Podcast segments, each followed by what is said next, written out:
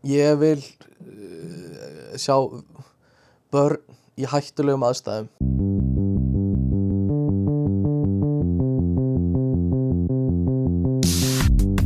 Halló er eitthvað að frétta?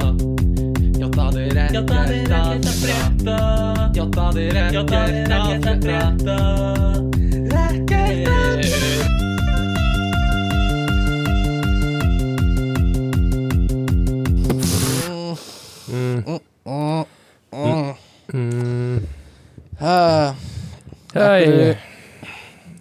Lífi þessu? ömulegt Ég nennis ekki. Nei, sama hér. Eh, Þú veist Það er ekkert Það er ekkert gott í heiminum.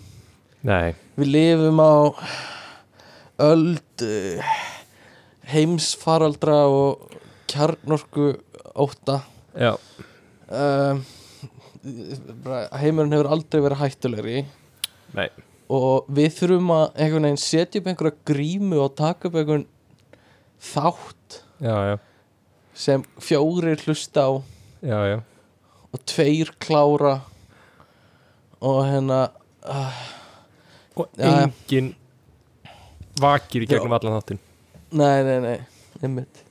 Allavega, velkomin í 70. þátt, trúur því? 70. þáttur 70 Sko ég á með pælingu. 70 mm, Þáttur nummer 70 já, Þá ætla ég að segja Ef að þú núna mm, Þetta gamall sem þú ert í dag. Hlustar á einn af gömlu þáttunum okkar Á ári. Já, já. Þá held ég að þú lifir ekki Nógu lengi til að ná Þætti 70 En ef að þú Nei. Stefán Núna á dánarbeðinu mm, Ert búin að hlusta einn ári frá því á árun í dag mm, Og ert að hlusta þátt 70 já, Þá bara vil ég taka ofan fyrir einmitt. Uh, Það væri nú svona fyrir þig svona alveg svona Ef þú ert svo svona mikið svona challenge gæi já, það, já. það, það væri óbærslega góður sigur fyrir þig að ég segi þetta. Og svo væri þú veist já, Þú væri myndir 96 ára gamall já Búin að hlusta hverju ári og einn þátt. Alltaf í röð og þá er ég bara tilbúin að deyja. Já, Þá er þá myndir þú "Já, degja nú get ég dáið." Já, þetta er smá eins og að segja Þetta er smá eins og að segja Ef þú horfir á uh, Hvern eina Ef þú horfir á ein uh, Æ, ég veit ekki hvað ég er að fara með þetta Ég er svolítið, sorry Ég var að leiðinlegt? stafsökunar Þetta, Já. þetta var að fara leðilegt Já, ég, nei, ég, ég er með heilaþóku Ég fer Já. með bak við það Ég er með heilaþóku Ég, sí- ég skil ekki neitt Nei. uh, Hvar er ég? Ég veit ekki hvað ég er að gera hérna Já, uh, Nei, það var ekki þáttur í síðustu viku eins og gloggir hlustendur eins og gloggar hlustendur uh, hafa tekið eftir. Hlust uh, endur. Tví hefur segir alltaf. Uh, Hlustendur Já, það er hlusendurnar Já, ég skil. Og þetta er svona þeirra leið til að berjast gegn kynjuðu máli. Allavega uh, eins og gloggar hlustendur tóka eftir þá hérna var ekki þáttur í síðustu viku. Af því ég var með COVID. Já ég ert ekki með FOMO? Þetta uh, var svo ógislega gaman samt hjá mér sko. Eða það ekki? Þetta var fáránlega gaman sko. Já. Bara, ég er bara ánæður að þú naust þess. Var ekki gott ég, að láta heyri í sér og spyrja hvernig þú hefðir það? herðu, já, sástu hvernig ég að gera þetta sástu hvernig ég, var, hvernig, sástu hvernig ég gerði þetta fyrir þig? Þegar ég var með COVID þá let ég þið vita. Já, ég var, að, ég var samt búin að tjekka þér fyrir það mér þess að Og ég segi þetta Eh, hlýtur að vera COVID. Ég segi vorum- minn, þetta hlýtur að vera COVID. Afsaki, guðmyndur mín þú tjekkaðir ekki á mér. Og vorum að spila saman tölvuleik. Já. Heldur ég og- gaman að því að spila við í tölvuleiki. Að spila með, sko Að spila með Já. þér Overwatch mm, er eins og að fara í fótbolta með litlum krakka. Þú hefur gaman að fótbolta En þú er samt aldrei gaman að vera í fótbolta með litla krakkanum nei, ok, fæn það er svolítið eins og að taka podcastin þér er svolítið eins og að fara í körfubolta með Með litlu eh, krakka, ætlar að segja bara saman ég? þú hefur ekki gaman að því uh, og þú þarf að gera alla vinnuna en þú gera það samt. Þú veist að, þú veist að hann hefur gaman að því gera ef þú fyrir körbólta með litlu krakka mm, lítur það þannig að þú setur að gera alla vinnuna Já, ég er að gera alla vinnina ég, er, uh, ég er að gera alla vinnina í þessu litla krakkadóti uh, Nei, ég var með COVID. Uh, Það var mjög fyndi Ég hérna Þetta var ógæðslega fyndi Ég vona allir sér tilbúinu fyrir bara finnustu sögu COVID, í heimi. Uh, En þú veist, ég var búin að vera að passa mig í tvö ár. Pældi því. Já. Tvö ár. Uh, þú passaði og já, passaði mig vel og, og hérna og svo er ég búinn að fá, þú veist, þrjár bólusetningar búinn að býða í þess að tvær vikur Mhm. uh, sem maður á að býða eftir bústerinn og eitthvað svona, ég bara, ég get ekki verið betur varinn. Uh, og það er allir að fá þetta núna þannig að ekkur ekki bara leifis að koma ef þetta kemur. Já, já. og bara, vik, bara helgina eftir að ég hugsa bara þetta er bara, þú veist, núna ætla ég bara að hætta að, að vera að stressa mig mikið á þessu. Og þá bara strax smittast ég. En fóstu, þú veist, sleiktur rúlusti eða eitthvað þú veist, nei, innkaupakerrur var eitthvað svona sniffa Innkaupakerrur, já, já, handvang já. og eitthvað svona. Og hérna, uh, og ofan á hérna spritbrúsum þessi fólk ítir já, já, er fólk ítir áður en að spritta sig. Þar var ég að, ég veist, ekkert að sleikja, ég, aðeins að sleikja og svona taka í svona pítur í skálar og rækta það upp og svo borðaði ég það í samlokum já, já, já, skilur eitthvað svona bara basic hluti. Uh, og þú veist teika hérna COVID bílinn það er það skemmtilegsta sem ég geri. Það er að fara út já, og teika COVID bílinn já, COVID-bílin mm -hmm. hvað er COVID-bílin? Hefur, ekki- þetta er svona eins og ísbílinn nema með COVID sjúklinga inn í sér. Er það og þú frítt? getur svona já, þetta, er frí sko frí aftreying fyrir okkur sem búum hérna að horfa á COVID bílinn já, og bara, þú heyrir í honum sko, það heyrist svona út um allan bæinn sko. Og þegar hann kemur í út. þitt já, þegar hann kemur í hverfið þitt og hleypi út yfirleitt á náttbuksunum COVID-bílinn, COVID-bílinn er komin Mm, svo teika ég hann svona allavega. Uh, já, ég fæ þetta bara strax. Strax komið með COVID.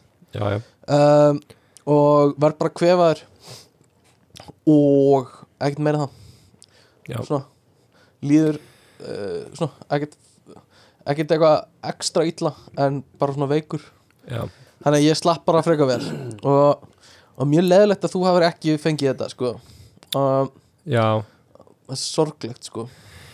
Ég En- fór ég, ég fór og ég ætlaði að senda þér út svona efna hérna uh, uh, þú veist svona efn, efni úr hálsunum mínum þannig að þú gæti fengið að þú vildir já. myndur þú vilja það?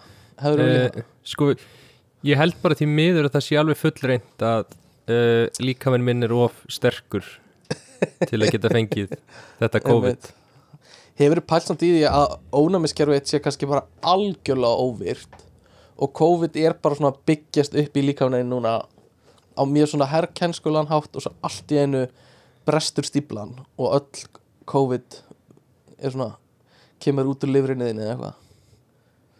Vá, það, var- þú, það var eitthvað svo mikið af pælingum í þessari setningu hér Ég veit ekki hvað ég á að byrja uh, ok.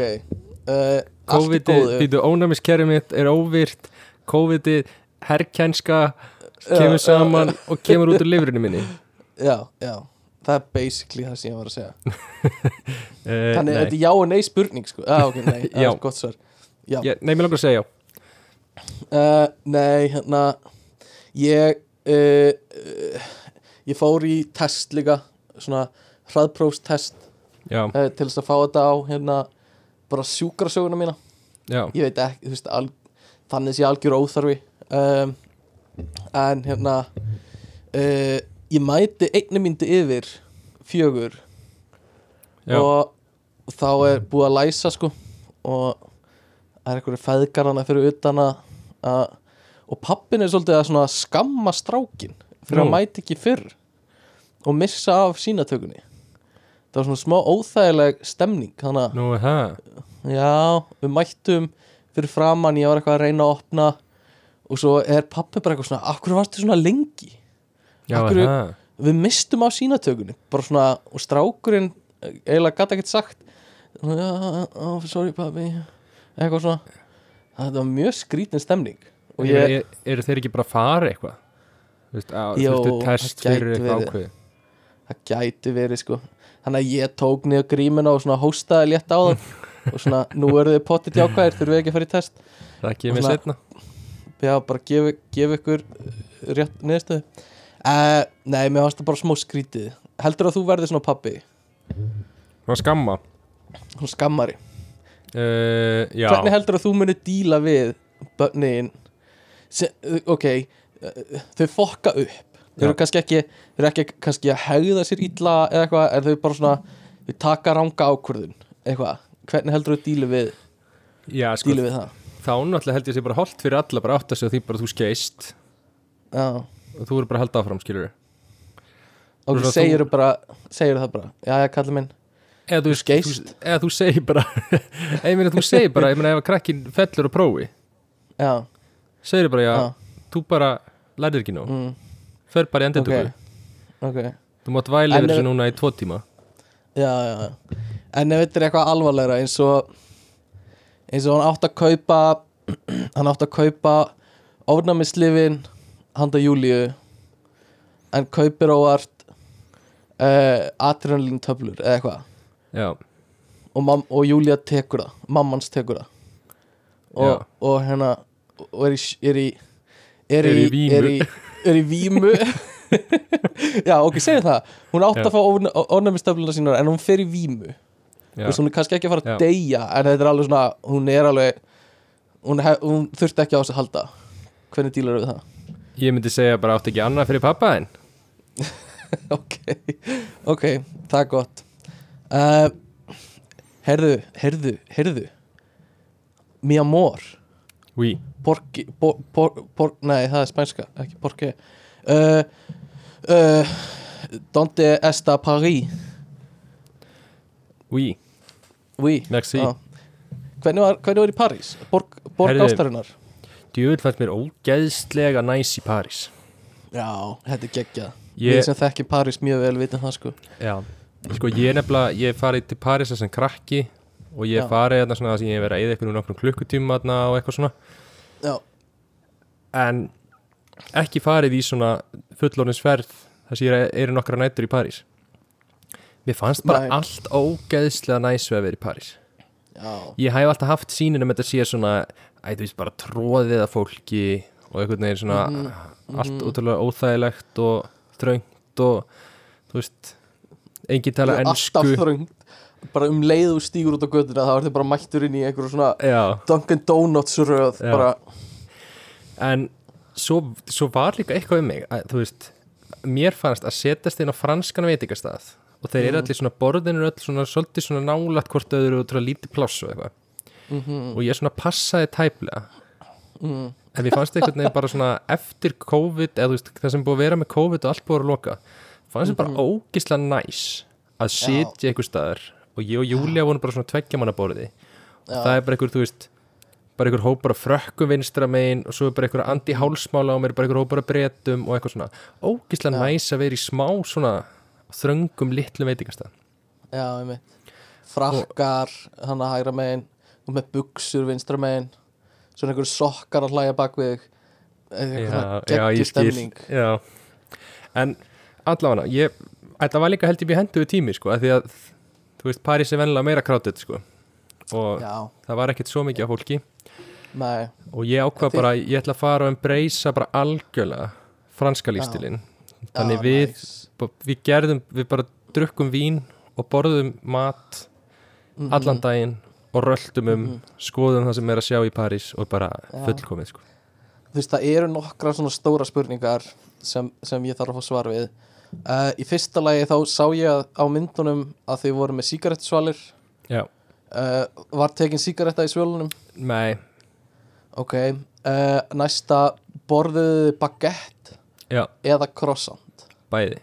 Og panna sjokolad wow, ótrúlegt. Og síðasta fórstu á lúr samnið já, og svafstu mikið eða bara svona pínu léttilúr eða eitthvað slags já, hvað er bara orðagrín í dag? Já, þetta er bara ég er með bara ég er með, ég er með, þú, ég er með hundrað og fjögur orðagrín sem ég þarf að komast í um, ég fór líka í vínsmakk. Ég varst það Já. mjög skemmtilegt. Mm þá hérna Hvernig virkaði það? Hvernig virkaði, hvernig svona sko, við nefnilega fundum vinsmaki í gegnum hérna Airbnb svona activities. Ok, ok. Ógísla snið, ég hef aldrei notað Airbnb activity dæmi áður. Bara basically Kom- sama kem- konsept nema það er bara, veist, bara fólk að selja einhverju upplifun. Ó, það er svolítið sniðugt. Já. Það er sniðugt. Getum við gert það á Íslandi líka? já, við getum gert þetta. Þú getur verið bara, herðu, Ok. bara ég bjóði upp á hérna, ferð í einhverju sveit og ég ætla að gæta Ah. einhverjum og eitthvað svona, svo bara review og rating og bara, þú veist, ert góður í þessu þá bara ertu orðið mjög Ah, vinsæll ok, nice. Ok, og þið fengur bara Ég, ég nefnilega veit ekki alveg hvernig svona vínsmökun er Eru þið að spýta? Eða Nei. kingið? nei, nei, nei við vorum Voru ekki í því, sko voru- Voru einhverjir að spýta? um, það var, ein, sko, þetta voru við vorum fimm fimm pör Já, sem voru saman með þessum gæja og þetta er senast frakki sem er mjög líka mjög fyndi að hann var að vinna við eitthvað svona logistics hjá, einhverju, hjá Adidas eða eitthvað svoleiðis, ok var bara í svona ok, skrifstofuvinnu og svo var hann bara eitthvað, Ok, nei, ég bara hef mjög mikið áhuga vínum og hann flutti bara aftur til Fraklands, hann var þá ekstra Ah. annar staðar held í Hollandi. Einmitt. Og já, hann sem sett er bara með þetta og það eru fimm pör sem eru saman. Hann er Já. með fimm osta og fimm vínflöskur. Já, geggja og Þetta er, já. Já, og það var eitt par sem, að, sem, að, sem að var drakk ekki öll, allt glasið sitt. Í, ógislega perandi. Hældi ég að vinna hjá Adidas Hva, Þú ert all, það allir alltaf að týnast Og eitthvað svona, þau eru örugglega bara sér deild Ó, bara- Stefán, veist að ég, ég, ég, ég enda kólið að vera fleiri svona grín. Ég enda Ok, kólið býtu, býtu, býtu, býtu, býtu uh, Þannig að það var enginn að spýta. En Nei. voru allir þá bara eitthvað svona bara eitthvað svona stærri plankar? Eða eitthvað svona, uh, voru, voru eitthvað svona stórar spýtur? Eða eða er, voru, það var enginn svona eitthvað spý, spý, spýta Ok, ok. Ok. Ég er komin í gegnum nokkur af þessum orðagrínum, allavega. Já, þetta hljómar ógislega vel. Uh, Ég tók svona speedrun af Paris þegar ég fór nángað uh, á EM var í, þú veist, tæpan sólarring og, og hérna fór eitthvað út um allt og reynda eins mikið á mat og eitthvað svona. Mhm. borðuðu þið snigla? Herðu, nei. Ég, það, Nei. ég klikka á því Að, Hann sagði við okkur vinsmækin, hann sagði þegar ég að fáið ykkur snigla. Og svo bara fundum við ekki snigla restina ferðinni. Nei, nei Þeir eru í hafnafyrði hérna á mótuhjólum oft hérna sn sn sn sniglan emitt mm -hmm. Ok, here we go baby. Uh, uh, Ég held ég getum alveg Ah. hægt að taka upp núna bara. Ok, s- ok Ég held ég enginn búin að hlusta á þessa vittlis í þér Fyrir ekki, ég tekið tilbaka. Uh, Allavega uh, uh, uh, ah, Heyrðu, vinkona mín er að sækja um vinnur Já. út um allt í Svíþjóð. Ég var að spjalla venni gær og hérna Embla er að sem er shout out á Emblu. Uh, en hérna hún var að tala um atvinnu svona hvernig það er að sækja um vinnur. Já, Akkur er þetta orðið svona fucking flókið? Þú veist, hún þarf að fara í einhver, einhver persónuleika próf já, já, einhver svona greindarpróf. Já, já. og, og eitthvað svona alls konar veist, hvað varðum bara þetta gamla góða umsóknin og, og hérna já, bara fyllin formið bara, já, bara fyllin þetta ógeðslega pyrrandi form mm uh, sem, þú veist, þú veist basically að fyllin fyrirskaruna hérna já, já, og svo neðst getur þú, þú veist uh, sett fyrirskaruna samt í sem einhver attachment sem já, bara allavega en, en akkur er þetta orðið svona fucking flókið ég fekk bara svona ég fekk bara svona hérna uh, kvíða bara við að hlusta á hann að tala um þetta sko já, já. þú veist, hún er að sækja um nokkra vinnur Mhm. og er bara alltaf í einhverjum greindarvísitölu prófum já. akkur í, og, og, person, og eitthvað svona persónleika próf sem er eitthvað svona uh, uh, eitthvað svona hvort mynduru hérna, hvort finnst þér meiri betra að, að hérna að fá uh, góða vinnuaðstöðu eða hærri laun? Já, já. eitthvað svona spurningar. Alveg, ég fór í mikið af svona sko. Já, Ég er náttúrulega fjall á greindaprófi já, já, já. Það myndi gjörsamlega sko, það myndi vera svo slæmt fyrir svona sjálfsýmyndina mína. Mér langar ekki að taka svona greindavístölu próf ég er svo hrættur um að um að fá, þú veist, mjög lágt á því. Það myndi vera svo það væri svo slæmt, sko. Ég, já, já, ég meina ég fór í svona próf og svo fekk ég bara svarið að þeir væri eiginlega bara að leita fólki sem væri í topp 10% greindavísutölu með ah, af þeim sem eru með masterskráðu þá átti ég að vera í topp Já. 10% greindar, greindarhófnum þú veist, hvað rugl er þetta? mér finnst það fáránlegt, sko. Mér finnst það alveg fár og, já, og svo spurningar að velja á milli launa og eitthvað svona eða fallegrar vinnu eða eitthvað hvað er rétt svar í þessu? Veist, hvað vilja þau sjá? vilja þau sjá að ég geri aldrei legg aldrei ásla launin mín er, það, er það, þú veist, eru þau að leita þannig fólki? Já. eða þú veist, Gott kaffi og ég vinn frýtt já, já, já ég vil eiginlega ekkert fá laun, sko, ég er eiginlega bara til að borga ykkur til að vinna bara eitthvað svona þú veist, þetta eru bara glórulösa spurningar og, og, og bara, maður lígur bara og þú veist, þetta er svona eins og þegar þú fært til bandaríkina og þú þarft að fylla út eitthvað form og það stendur eitthvað svona, ert þú hriðjuverkamaður? Þetta er bara Já, svona ef ég er hriðjuverkamaður þá segi ég bara nei líka eða, Eða ertu með COVID-formin sem er alltaf að fylla út núna?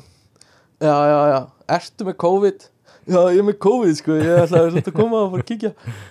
Já, allavega mjög, ég bara já, mér finnst það svo stóra svo over the top, sko. Já, veit ég hvort þetta er líka svona Íslandi en sennilega sko um, allavega við erum líka það er alltaf búið að af, aflétta öllum takmörkunum hér á Íslandi. Já. Uh, líka grímum í búðum sko mm sem ég sakna svolítið. Er það? að því mér finnst svo gott að vera nafnlaus sko.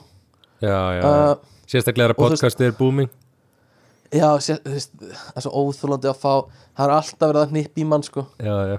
Og tók, ég, þú veist, tók í mann Það er sérstaklega verið að bara mig og ekkert segja neitt, það bara tóka í mig. Bara eitthvað svona og ég sný mig við og svo lappa mannskip allavega. Uh, mér finnst það gott að vera nafnlaus og bara fara í búðir og sérstaklega hérna í, í garðabænum þar sem ég sé oft fólk sem ég þekki.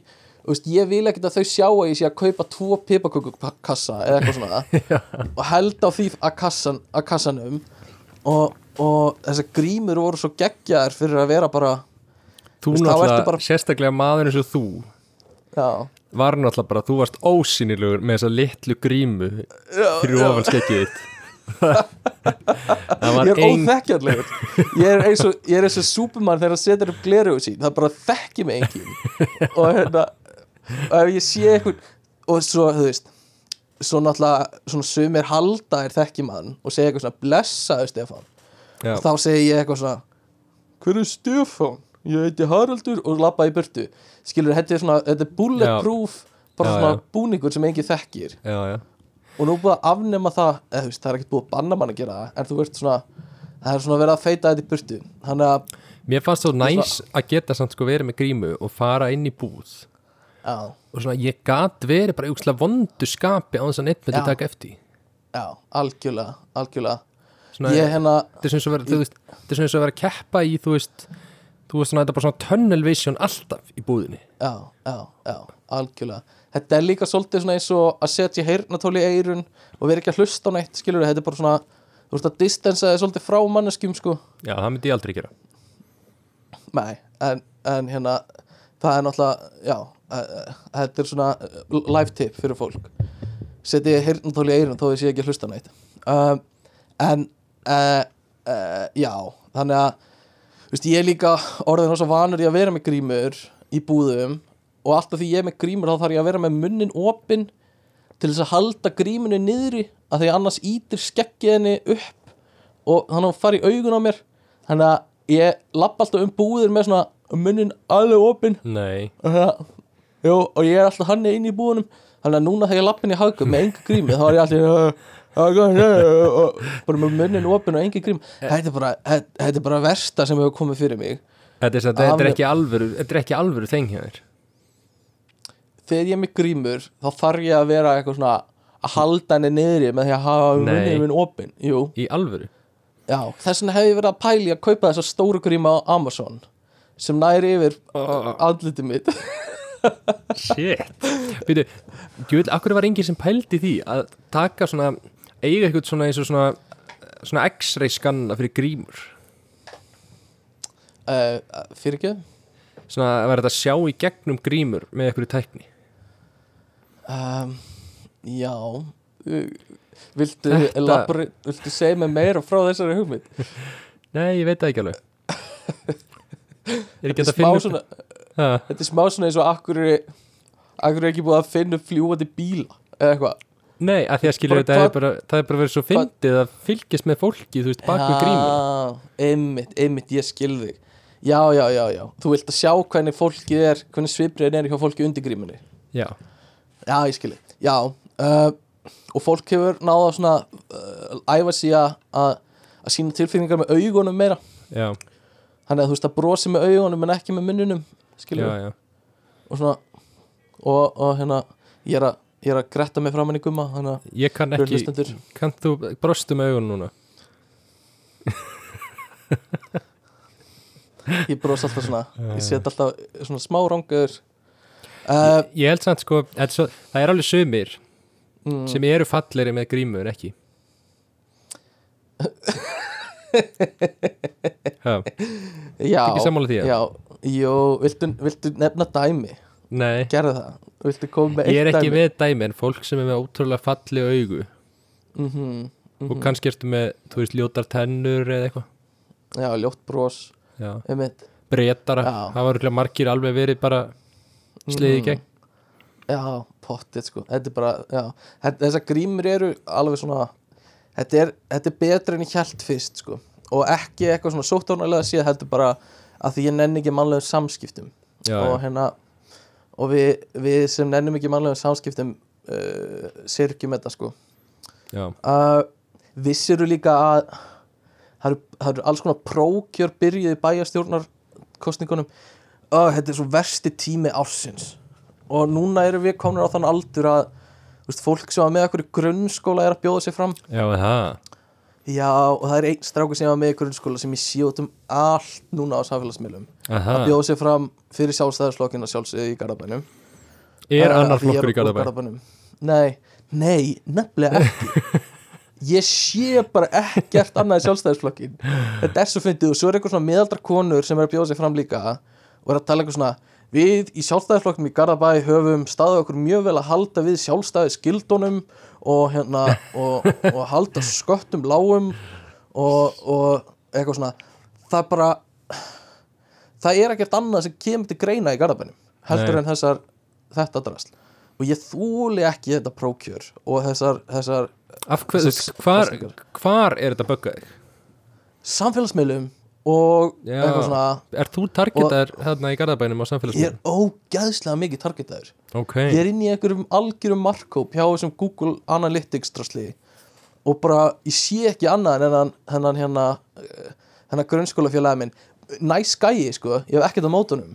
En bara þetta ah, þetta, þetta vera út um allt og, og vera, þetta er svona í bláum jakkafötum þetta er svona sjálfstæðis bláum jakkafötum með spari brosi sitt sem búið að æfa fyrir fram að speil og eitthvað svona. Ah, já, jú, jú. En þú veist, akkur, þú þarft ekki að reyna líka í garðabænum. Sjálfstæðisflokkurinn er að fara að vinna þetta í garðabænum. Þú, þú, þarft ekki að gera þetta sko. þú þarft ekki allavega. Uh, þannig að ég kýs alltaf bara eitthvað svona random. Ég er svolítið svona wildcard í bæjastunarkostningunum já, bara þú kýst alltaf já, en gefa bara svona litlu, litlu flokkurinn sjans. Bara svona upp á gamanið. Þó ég veit ekkert fyrir hvað ég standa. Bara svona ekki kjósa sjálfstæðisflokkin og finn bara eitthvað að hinum. Þú ert ekki manneska sem hugsa þessi er mjög of lítið af atkvæðum til þess að mitt atkvæði skipti máli. Þú nei, veist, þú ert ekki þar. Nei, nei, nei, nei, nei, nei, nei. Það er bara stemning líka að fara að kjósa og hérna taka þátt í þessu. En, en já, þetta er bara svo, þetta er svo tilgáðslust stríð í garðabænum finnst mér að hérna uh, já, ég veit ekki bara, já, ekki ekki uppáhalda mitt þessir uh, þú veist, sveitastjórna eða kostningatímbil allavegna, anyway stuð, hvað segir þú? ef að fara að byrja hana þátt eða ertu ef að tefja þetta eitthvað meira eða? Nei, við Eh, getum alveg bara- byrjað ef þú vilt sko. ok uh, er ég neikvæður? Þú, Er, er, já sko, ég veit hvað þú myndir segja okay, Þú myndir segja, og þetta er það sem að allir sem eru neikvæði segja. Þeir segja, Ég er ekki neikvæður, ég er bara Ég er raunsær.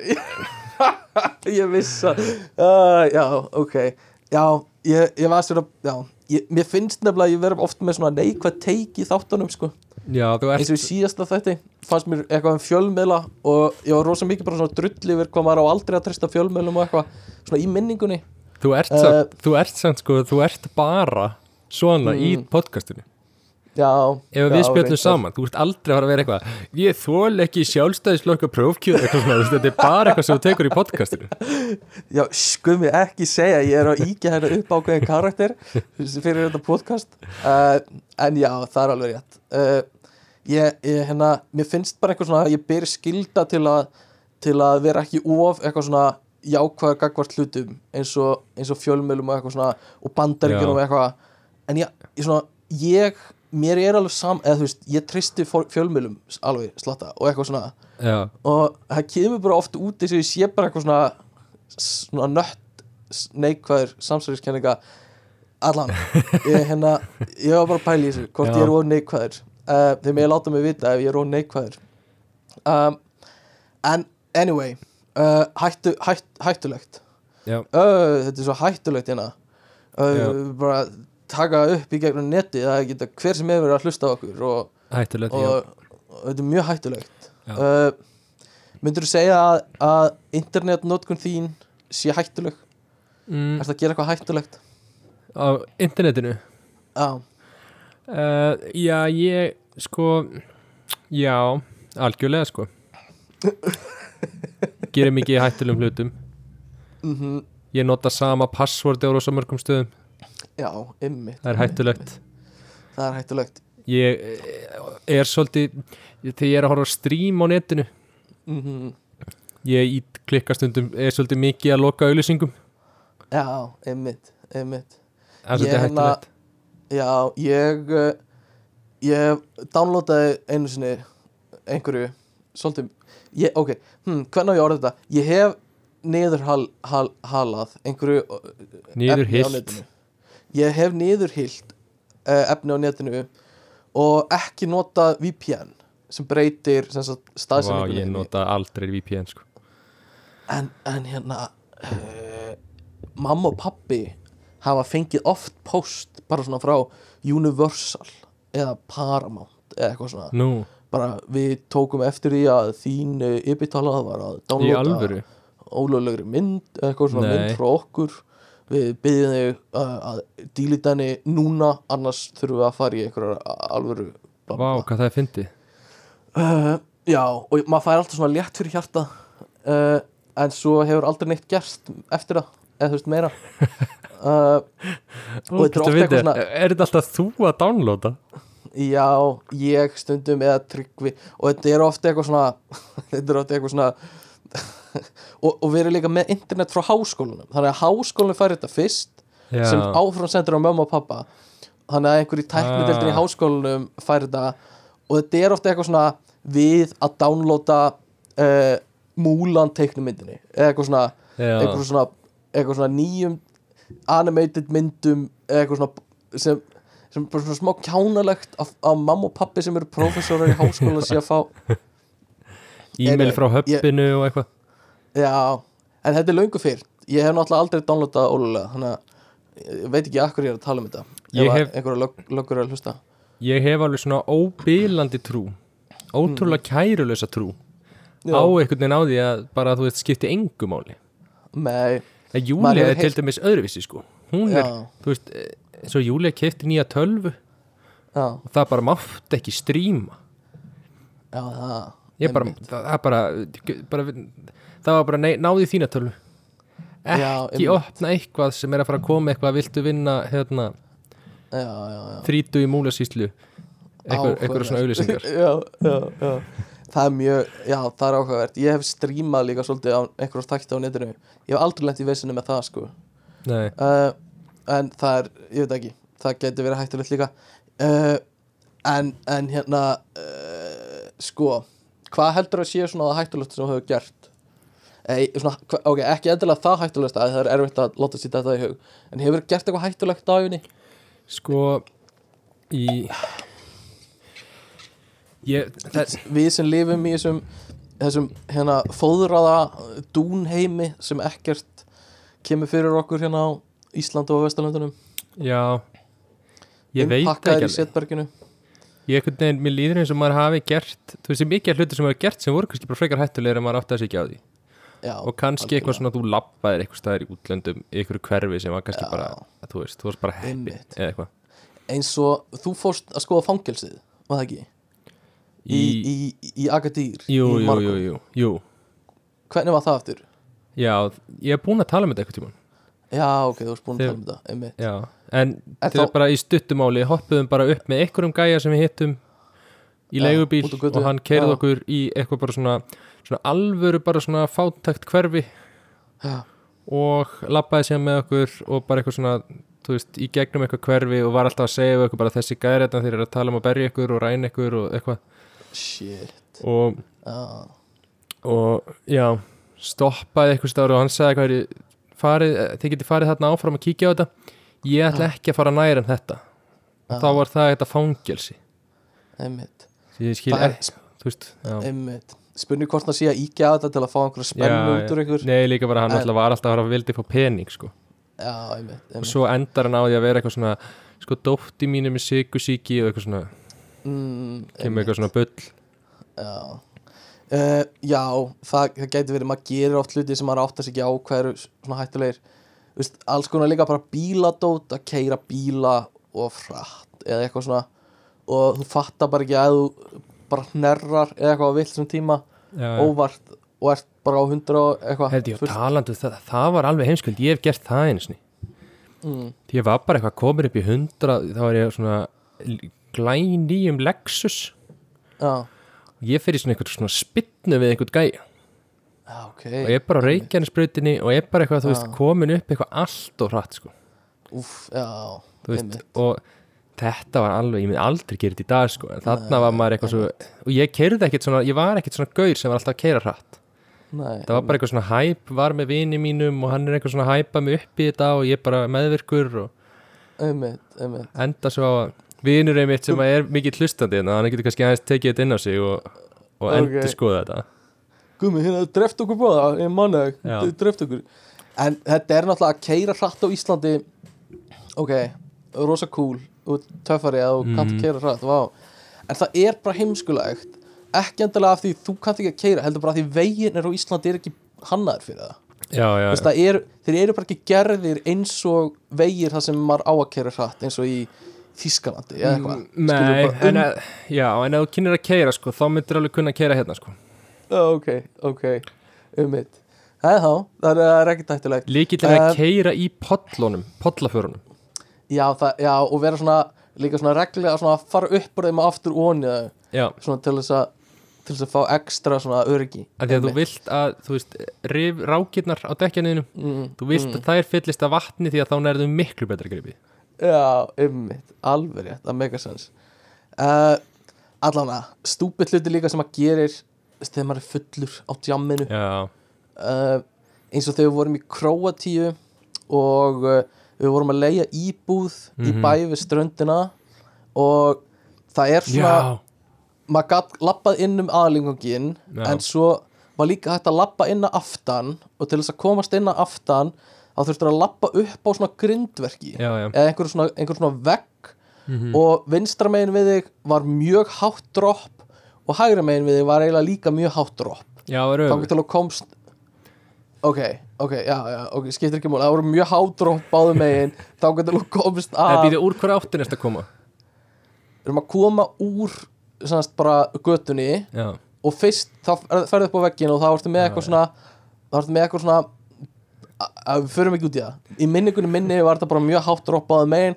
Þá getur þú varst komin inn að verundinni aftan hjá okkur. Já líka, sko, við erum, þú veist e- Þetta e- þetta var ekki, þetta var í alvöru mjög háttur upp, þú veist, þetta var ekki svona dettur og meiðir þig, nei, nei, nei, þetta var bara þetta var bara svo, eins og detta þú veist, svölum á fyrstu hæð, skilur já og bara, já, já, og maður horfir niður og maður svima smá, skilur en, en hérna og, og við vorum eitthvað svona, fórum príleðum hana yfir eitthvað smá, þau vorum edru bara eitthvað svona, að, það er svo spennandi bla bla bla, eitthvað svona, ha ha ha.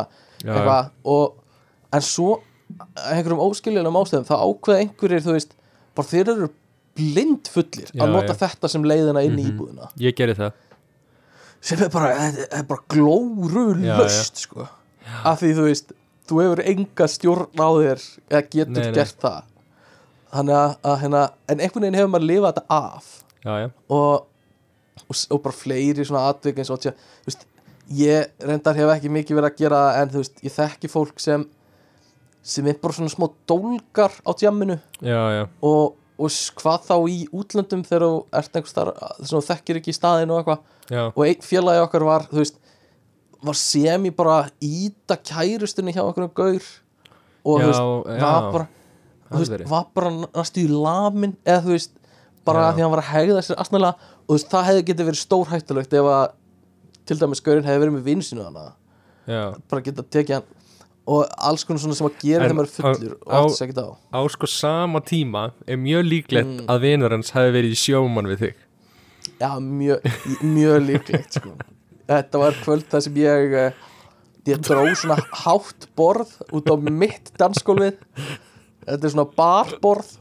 Dróðu út á mitt dansgólfið svo stóði ég svona bak við það með hendur og svona í sjómanstöðinni og svo bendi ég á eitthvað svona.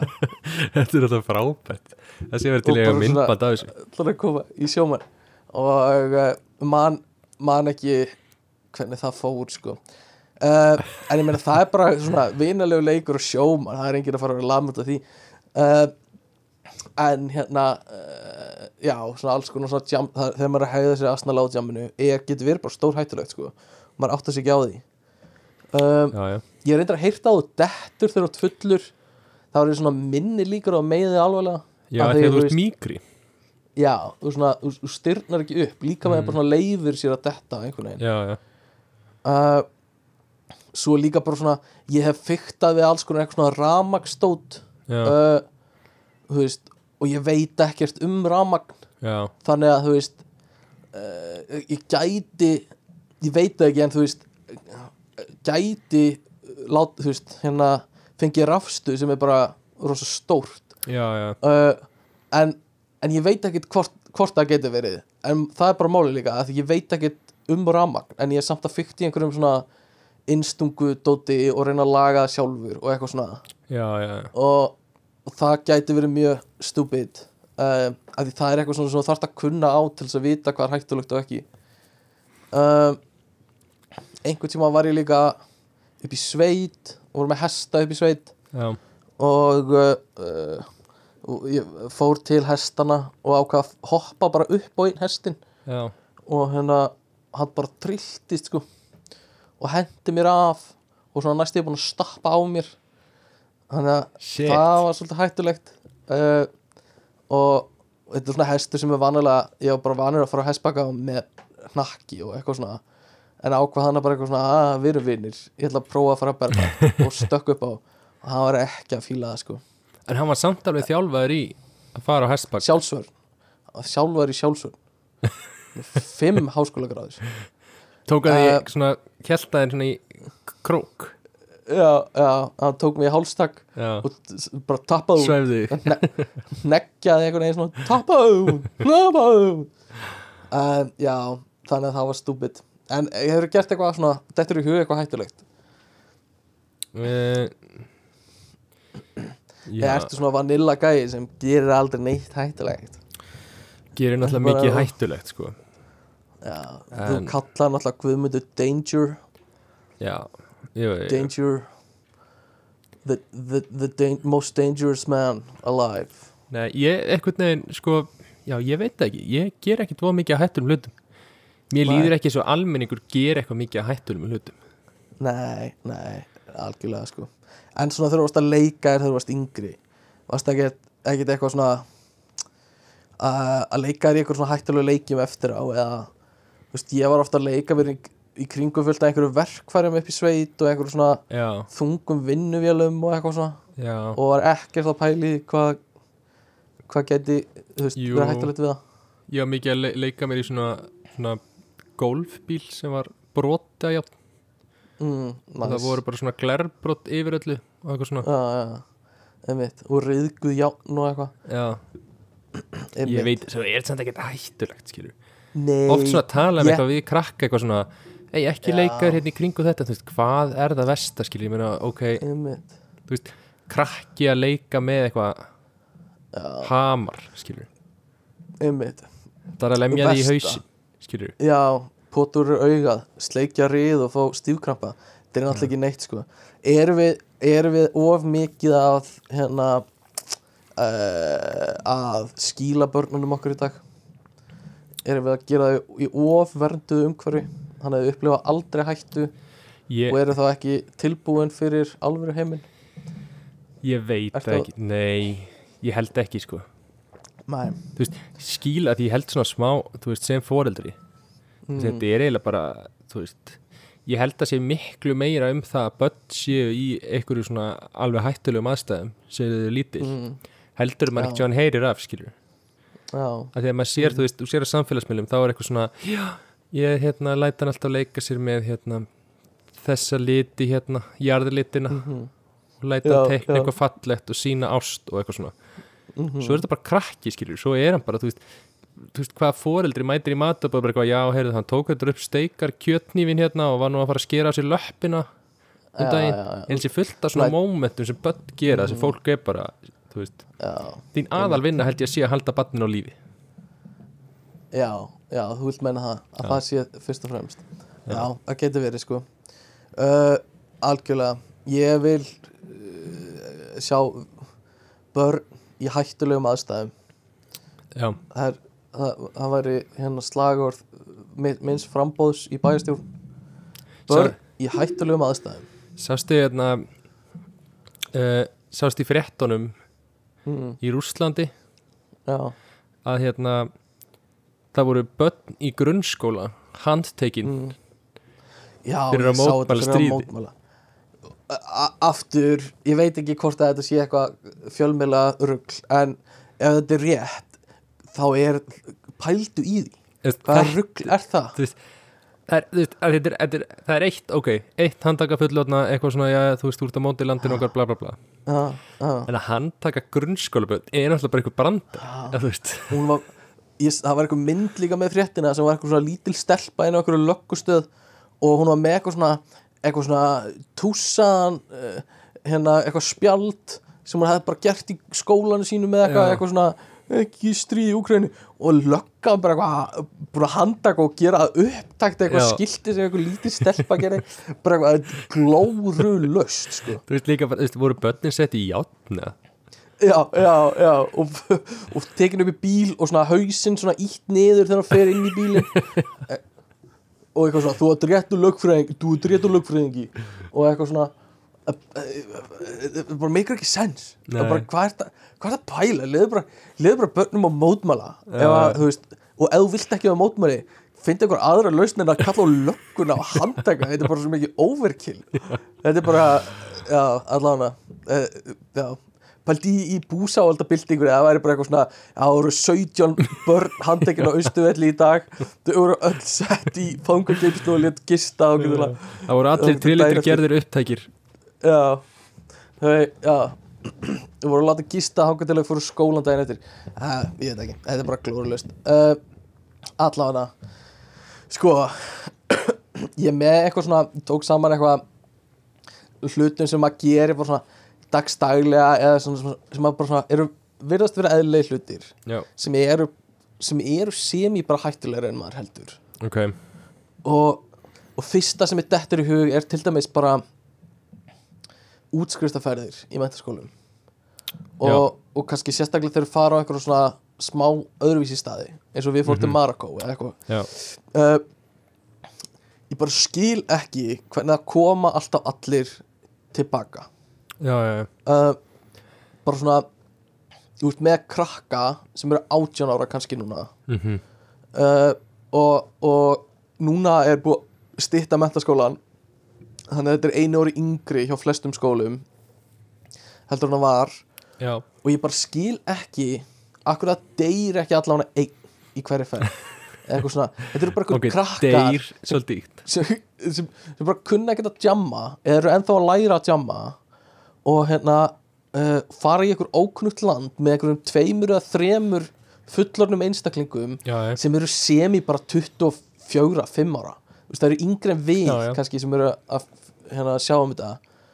Og, og hérna og eru bara eitthvað fara bara einhvert og þú veist eins og við fórum í gamla hverfi í Medínunni og í hérna í Marokko sem er svona gamall markaður sem er risastór Mhm. svona risastórt kólaport sem er úti með einbyðu fó hérna, fólki sem býr hana já, og, og hérna veist við fórum bara út um allt hana og bara, hefðum geta týnst eða hefðum Já, geta eitthvað. En einhvern okkur. Nei, en samt að rutuðu allir heim. Og þú veist ég fór líka í bæjarferð þegar ég var í útskriftafærni minni uh, í einhverja, einhverja borg hana og, og uh, við lendum í því og vorum nokkur saman að ég manni hvort ég var búin að segja þetta en það var einhver sem virtist vera heimilislaus mhm, sem hérna kom bara brjálaður upp að okkur bara öskraði okkur bara öllum íllum nöfnum á hérna tungumólinu þeirra og, uh, og hann var með svona kýli í andlitinu mhm. og, og það leit smá út bara eins og það væri svona bara svona eistnasekkur sem já, var í andlitinu Mhm. bara, þetta er bara besta leiðið mín til að útskýra þetta. Það var bara eins og hann væri með svona svona lafði svona í andlitinu. Já. Og hann, hann byrjaði að hrækja á okkur og Já. bara frussa yfir okkur. Og, og hérna kom bara einhver öryggisverðin í einhver búið og, og tók hann sko.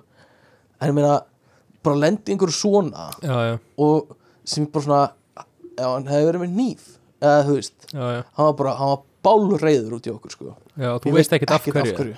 ekki eins og smá.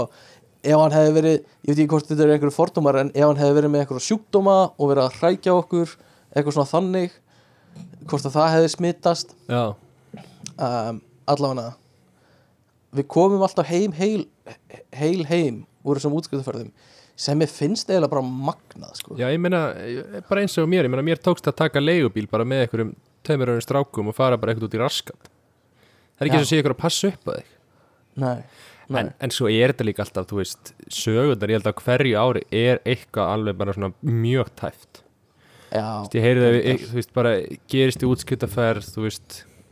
Mm -hmm, einhvern tíman, bara einhver að segja mér að daginn bara þá var, þú veist, bara hann bara intervínar það sem er bara einhver stelpa úr útskiptarótnum er bara alveg döða drökkin og þú veist, ég veit ekki, man ég hvort það var búið að byrlin eða eitthvað, en hún er bara konin upp í bíl og er að fara í eitthvað partí með einhverjum heimamönnum og eitthvað svona. Pælti því maður og, já, já, og auðvitað lenda ímsir í slæmum hlutum hann úti já, já, og alls konar óðbeldi en, en ég hef ekki heyrt það degi eins og ég muni sko. Uh, en já, veit ekki. Uh, það var líka, það var einn gaur sem fylgdi okkar hóp svolítið, Já. búin að gleyma. Eða tveir sem voru í hernum já, eitthvað já, já, hann hafi eitthvað verið í svona- svistnesku einhverju svona skærulega hersveiti eitthvað svona, Já, bara eitthvað svona, bara eitthvað svona rugl sem voru, sem áttu að passa upp á okkur og eitthvað, nota bene uh, það var stelpa í hópnum okkar sem byrjaði að deyta hann. Og þau voru í, já, og þau voru bara í einhverju sambandi í eitt eða tvö ár. Svona fjarsambandi hittust eitthvað. Er þetta ekki grillað eða? Þetta er eitthvað svona 25 ára gaur sem var í hernum að passa upp á einhvern útskiptarhóp og svo byrjar hann með einhverju stelpu frá Íslandi og þau eru saman í er þetta, ég veit ekki, er ég, er ég að mislisa þetta? Jú, Er ok. þetta ekki grillað? jú, ok, þetta er grillað algjörlega, af því að þið Já, það sem væri ekki grillað mm, ég veit það ekki sko ef það er eitthvað, ef það er eitthvað að gerast á millir á í þessari ferð sem það var ekki, Já. eða, við veit það Jú, ekki það hlýtur að vera já. Ég En veit ekki, veist, við segjum það. ef þetta hefur verið eitthvað eftir á þá Já. það alveg verið allt í læg skilur Já, kannski, einmitt. Fínt að hafa hann maður. Hann fór í einhverju slægi og eitthvað fyrir okkur hönd. Hann Já. átti, passaði upp á okkur. Ég vil lemma mikil rækja. Þessi gaur skilur bara, Já. Hefur einhvern tímann lent í slag? nei Nei, ég hef aldrei lent í slag ég bara lendi í svona ég, þú veist, ég, svona ég náttúrulega sem krakki lendi í ykkur svona íta ykkurum svona, mm -hmm, mm eitthvað svoleið sko. Já, Ég hef einu sinni Ég- svona að, þú veist, svona já, ég hef einu sinni ítt einum reyndar. Já, já. Í vinnunni? Nei. Þá, þá var ég bara í glasi og hérna og Júlia dettur á gólfið á dansskólinu já. og ég held að eitthvað gaur af ítt henni þannig að ég íti gaurnum Ah, og hann dettur í gólfið gummi. svo stendur Júlia upp og þú komið vinahópur þeirra í kringum mig æ, æ, æ, og svo já. lappar bara svona Júlia sem betur bara, hún bara eitthvað svona leiðir mig og er bara eitthvað svona nei, kottu hérna, förum út fyrir og eitthvað svona það ég Gummi, slappi að vera lamin hérna og svo sagði Júlia Já. vera hún hefði bara dottið Æ, Þetta er svo slæmt Æ, æ, æ já, Já. Uh, Já, ég hef aldrei lent í slag heldur. Ég held bara basically aldrei. Ég held að þú sért kannski maður sem ég kýlt mest á æfinni já, að, því- því vorum að æfa box saman í einhvern tíma.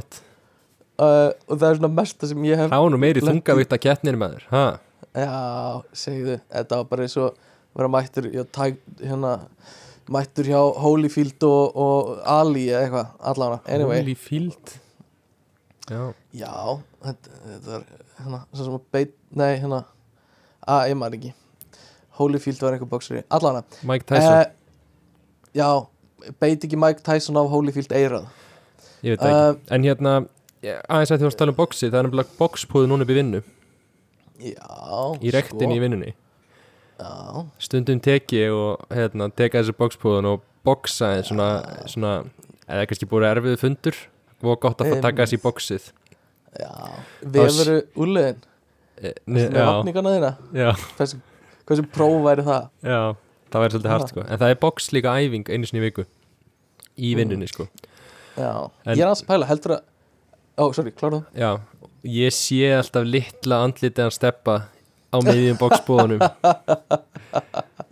Gjörsanlega uh, hamraða í hjá mér. Já, bara verður að góði sko uh, Ég er svona aðeins verið að pæla. Heldur að hjálpi forriturum að hafa vapninga upp á bara hérna sínaskeiðabólgu og eitthvað svona?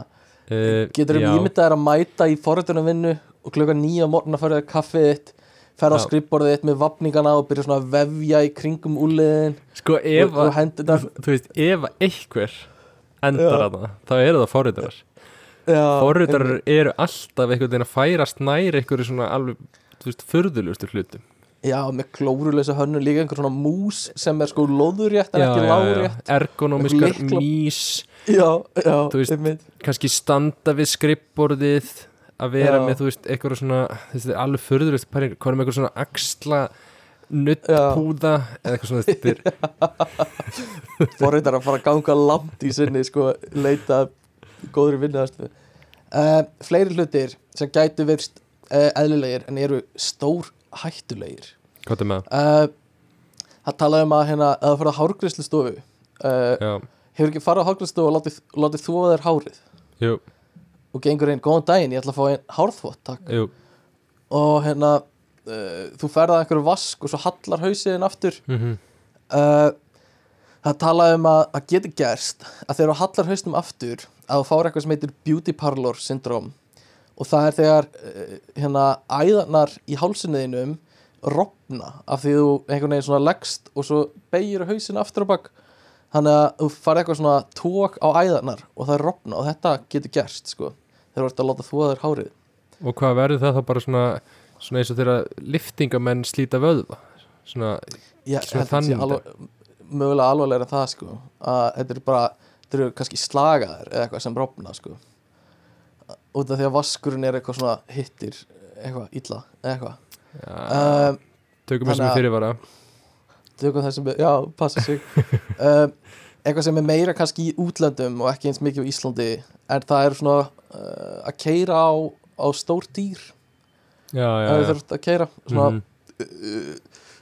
dádýr eða eða elgi eða eitthvað svona.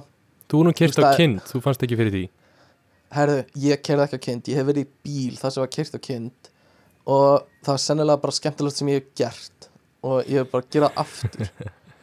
Nei, það var hríkalegt sko. Þá vorum við að keira, uh, er ég búinn að segja þetta? Podcast, allana Ok, ég ætla bara cliff notes á þessu. Vorum að keira frá Hellu uh, ég var búinn að keira, nei, vorum að keira frá, frá Egilstöðum, ég var búinn að keira Hellu við skiptum og einhver annar tók við og ég var svona nýsestur í, í farþegarsætið fram, fram í og var svona að leggja aftur augun mm og þá heyri ég allt í hérna fuck, eitthvað svona, ég opna augun þá var bara kind fyrir framan okkur að hlaupa við neglum á hana og hérna, svo keirum við út í kant og kindin er eftir á veginum og er svona að reyna að draga sig áfram á framlöpunum úf, af því allir afturlappurinn eru bara já, þetta er bara, bara eins og einhver hefði sko setta í, í blender sko Já. aftur hlutin á henni. Hún er eitthvað svona me, me, og reyna að draga sig út í kant og eitthvað svona. Uh, þannig að við þurftum að ringja á lögguna og, og löggan kom með hérna, uh, fór í hanskahólu sitt. Og eftir klukkutíma að kindin er eitthvað búin að vera eitthvað þjást næri skambissu og plaffar hann í hausinn. Já, næri kindabissu ekki já, neða, hann næri, hann næri glokk. Slakaðu aðeins á hann er, hann er í 45 glokk. Hann náði eða í sko basúku og kessalega tætt hann í sundur. Uh, nei, en, en svona roadkill getur verið mjög hættuleg í hérna, Já. í Bandaríkin eins og svona uh, mús. í já, mús, ó, ó, geðslega stór. Já. Hefur ekki séð Ha. svona myndir af þessu. Er þetta ekki, þú veist, er þetta elgur uh, já, já, mús, já, já, já, já, já elgur, ó, geðslega stór, ég hef alltaf haldið að þetta sé CGI þegar maður sé svona myndbönd. Einmitt. Já, ég ætla að vera að tala um mús. Má, svona húsamús. Já, þú ert að tala um elg, já, hjút stýr og geta hlaupið bara drullu hratt. Já, þegar þið fara á stökk sko. það er bara eh, já, það það er hrikalegt sko. þetta er bara, eh, þú veist, tonni eða eitthvað þyngd, ég veit ekki hvað þetta er þungt. Já, það er crazy sko. Um, setja á sig glerugu getur verið mjög hættulegt. Mm. þannig að ég var að bara veist, ég, ef ég væri þið að setja mig glerugu, þá myndi ég alltaf bara svona vara aðri kringu þið við, ég er að fara að setja glerugu mínu upp Mhm. uh, hérna hafið auga með mér ef eitthvað kemur fyrir uh, af því það eru allavega 27.000 manns sem leita á slísa bráðumáttökuna af því uh, að einhverju svona tróðu glerugna glerugna slísum sko. Uh, já.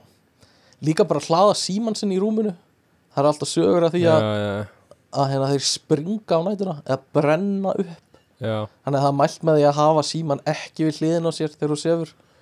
Um, e, efast um að nokkur manneski að taki það? Jú, það fóttið Gerir einhverju, sko. Já, einhver, já, það er svona doomsday prepper sem gera það sko. Já, já, uh, svo líka opna kampavín.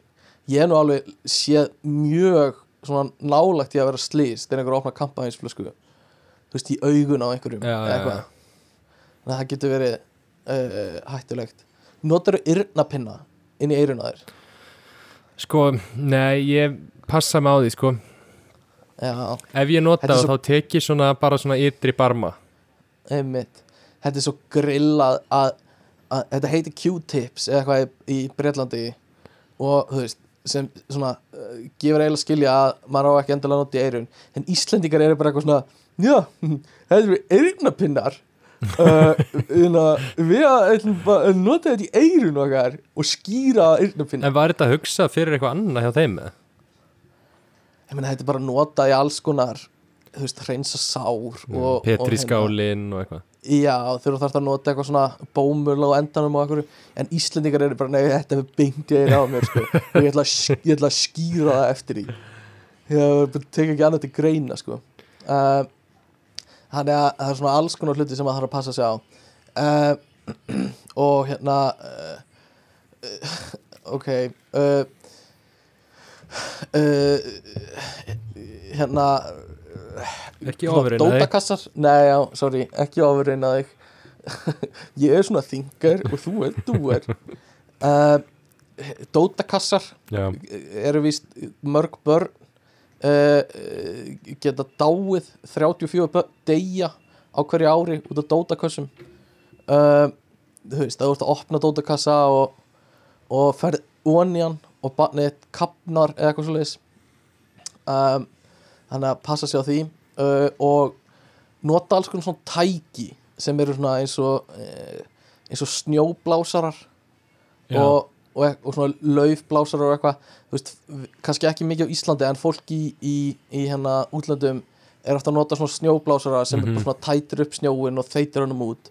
Og svo kannski stíplast snjórin eða eitthvað og þau ákveða eitthvað svona hm, best að ég losi þessa stíplu og stinga hendinni inn í hann já, já, og er að losa einhverja stíplu í snjónum og svo allt í hennu losnar það og hann fyrir gang og bara svona tætir upp á þær hendina. Því þú, þú, þú heldur þú getur lagað eitthvað með eitthvað svona já, líka disposal í hérna niðurföllunum í bandaríkjunum.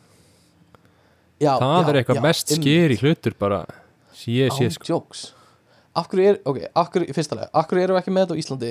Uh, spurningi mín. Uh, og öðru lagi verðist mjög hættulegt mm. ég get Uh, svarað þessu fyrir því ok, ástæðan, sko, þú ert ekki að spyrja rétti spurningar spurningin er Já. af hverju eru bandaríkjumna með þetta ég skil, ég skil og þeir eru með þetta út af því að þú setur matarafganga mm. út það koma svona Já. badgers þvottabirnir, já, ymmit, ymmit ekki Já. Jú, þvott, svona, þvottabirnir og, og hérna já, þvottabirnir ymmit, skunkur. Skunkar eru skelfilegir. Já. uh, síðasta sem ég ætla að taka fram er uh, þegar uh, getur verið hættulegt líður eins og ég sé einhver svona, einhver svona public service announcement. Ógeðslega stúpid uh, að opna pakka sem eru, þú veist sem eru kannski vel pakkaðir inn eða eitthvað, eða þú veist segjum þú fara einhverja sendingu og nær í dúganýf og eitthvað og ætlar að skera já. upp pakkan en hann er bara svo endalust fastur og hann er ekki að losna og þú notar meira afl og svo stingur þú sjálfa þig og eitthvað svona eða nota skæri og ert að klippa og, og stingur í þig og eitthvað svona getur verið, það er fullt af fólki sem slasast af því sko. Já, ég gerði þetta áðan sko. Já það. Ég er algjör, svona, ég verð svo óþólumóður ég er algjör ég er algjör bröðlari þegar kemur að það nota hnífa í eitthvað svona alveg glórulöst task sko. Já, ymmit, ymmit og fer bara með bara hérna hleyp fær pakkan, setur hann á borðið fer hann í eldhús nærri skærin og hleypur með skærin sko, eitthvað sem þú átt aldrei að gera sko. En ég held þeim alltaf opnum. Já, hefur skærin opinn og, og heldur um blaðið já, til að passa að það fari ekki í neitt. Já, já. Uh, Já, ymmit uh, En, já er, Hversu mikið pantar er á dóti? Ertu ennþá að panta bara fullt? eða? Já, já Ég Já. panta alveg, sko alveg Veistu hvað ég pantaði en daginn? Nei, Ég pantaði hérna Ég pantaði handbór já, ok Handbór Við erum að tala um ekki með rafmagni Nei, Svona bor nei Hvernig, ha? Bara eins og skrújátt Nema bor. Nema bór Já, þetta er Ég veit ekki hvað ég á að segja Þetta hljómar mjög stúpid. Uh, Þetta er, já, ég veit þetta? ekki. Já, ok Það er bara of stutt á milli þess að ég, Já. að mér detti í hug að mér vant eitthvað. Já, og þegar ég er Já. búin að ég, veist, ég byrja að nota bæna á takkan svo mikið á Amazon að það er já, stórhættilegt sko. já, ég má ekki leita að vöru. og ég er orðin það sko svona þetta er svona það mikil veiki hjá mér að ég, mm. ég ber ekki svona saman vör. Ég skoði ekki svona review.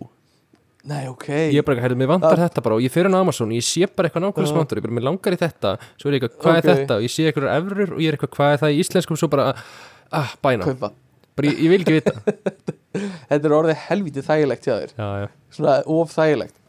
Uh, Já, þetta Að búa í Íslandi, það er smá svona Heldur manni frá þessu. Það er hættulegt. En þetta er ógæðslega þægilegt í útlöndum sko, að gera já. þetta.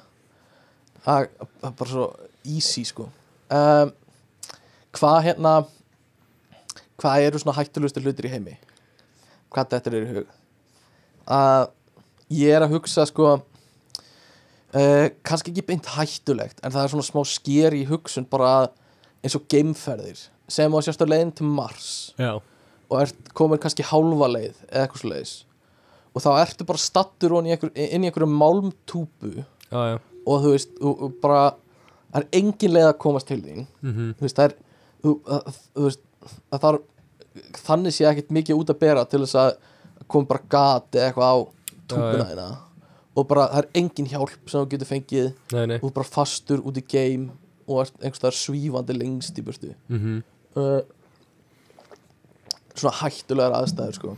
Uh, svo verið líka að hugsa þú veist eins og bara núna af því að það er trending en bara hversu hversu hættulegur er bara Putin Já, við höfum ekki gríns. talað um stríðið sem er í gangi. Nei, en, en hérna ég var að lesa bara í dag ég sendi það á þig eða sendi það á hópin hérna spjallið okkar. Já, eitthvað svona frá Putin að hann væri uh, hann væri með hérna eitthvað svona ofsóknar æði og væri búin að einungra sig rosa mikið og hérna er bara að hlusta á ákveði fólk sem er semi að ljúga á hann og hvernig aðstæðanur eru Sko, og já, hann er búin að setja hækka viðbúinasti og kjarnorkum og eitthvað svona. Uh, mér, og- mér og- finnst þetta mér finnst þetta mjög áhugavert en mm, því miður þá held ég að mín skoðan á þessu er já, ég held þetta sé alveg massa upplýsingahernaður sem að Já. ég held að sko að pottet bandarækjumenn eru partur af það er mín kenning sko. hvað? ég hvað held þá? bara að þessar fréttur um Putin og hvernig hann sé að tapa þessu stríði og allt sé að ganga ömulega flugherinn Já. sé ekki sjáanlegur hann sé að verða geðveikur og allt þetta já, ég held þetta sé bara að þeir horfi á bara þeir, ég held þeir sjáu stöðuna að Putin gæti gæti bara rústa Úkrænu mm, og hann eigi vopp til að gera það mm, og þeirra stærsta von eða svona eina þeirra taktikum sé eiginlega rústneska fólkið fari á mikla Já. mótstuð já, það gæti verið sko uh, sem er þú veist, þetta er alveg Já. svona upplýsingaflæðið er bara, þú veist, það er allt Mhm. einhvern veginn ekki að ganga upp já, þú veist, hjá rússum og einhvern veginn, einmitt. ég veit ekki þetta er, algjörlega, ég get alveg séð það sko. Það er aðeins íkt kannski hvernig, hvað er að ganga illa og eitthvað svona. Já, uh, en þú veist uh, þessi gæi, samt segjum að veist, hann sé í þessum ástæðum. Ok, Já, já. í fyrsta lagi, þá er oft þú veist, það er talað um það að Úkraina er basically fallin, það er ekki leið að Úkraina vinna þetta stríð. Já, já. Það er bara tímaspörsmál hvað þeir eru lengi að gera það. Mm og hérna uh, þú veist ekki spurning hvort þeir ná Úkrainu heldur geta þeir haldið henni líka. Mhm. en allavega þeir munum sennilega ná henni sko á endanum. Það, bara, það kemur ekki þannig að greina. Það er enginn að koma að hjálpa þeim.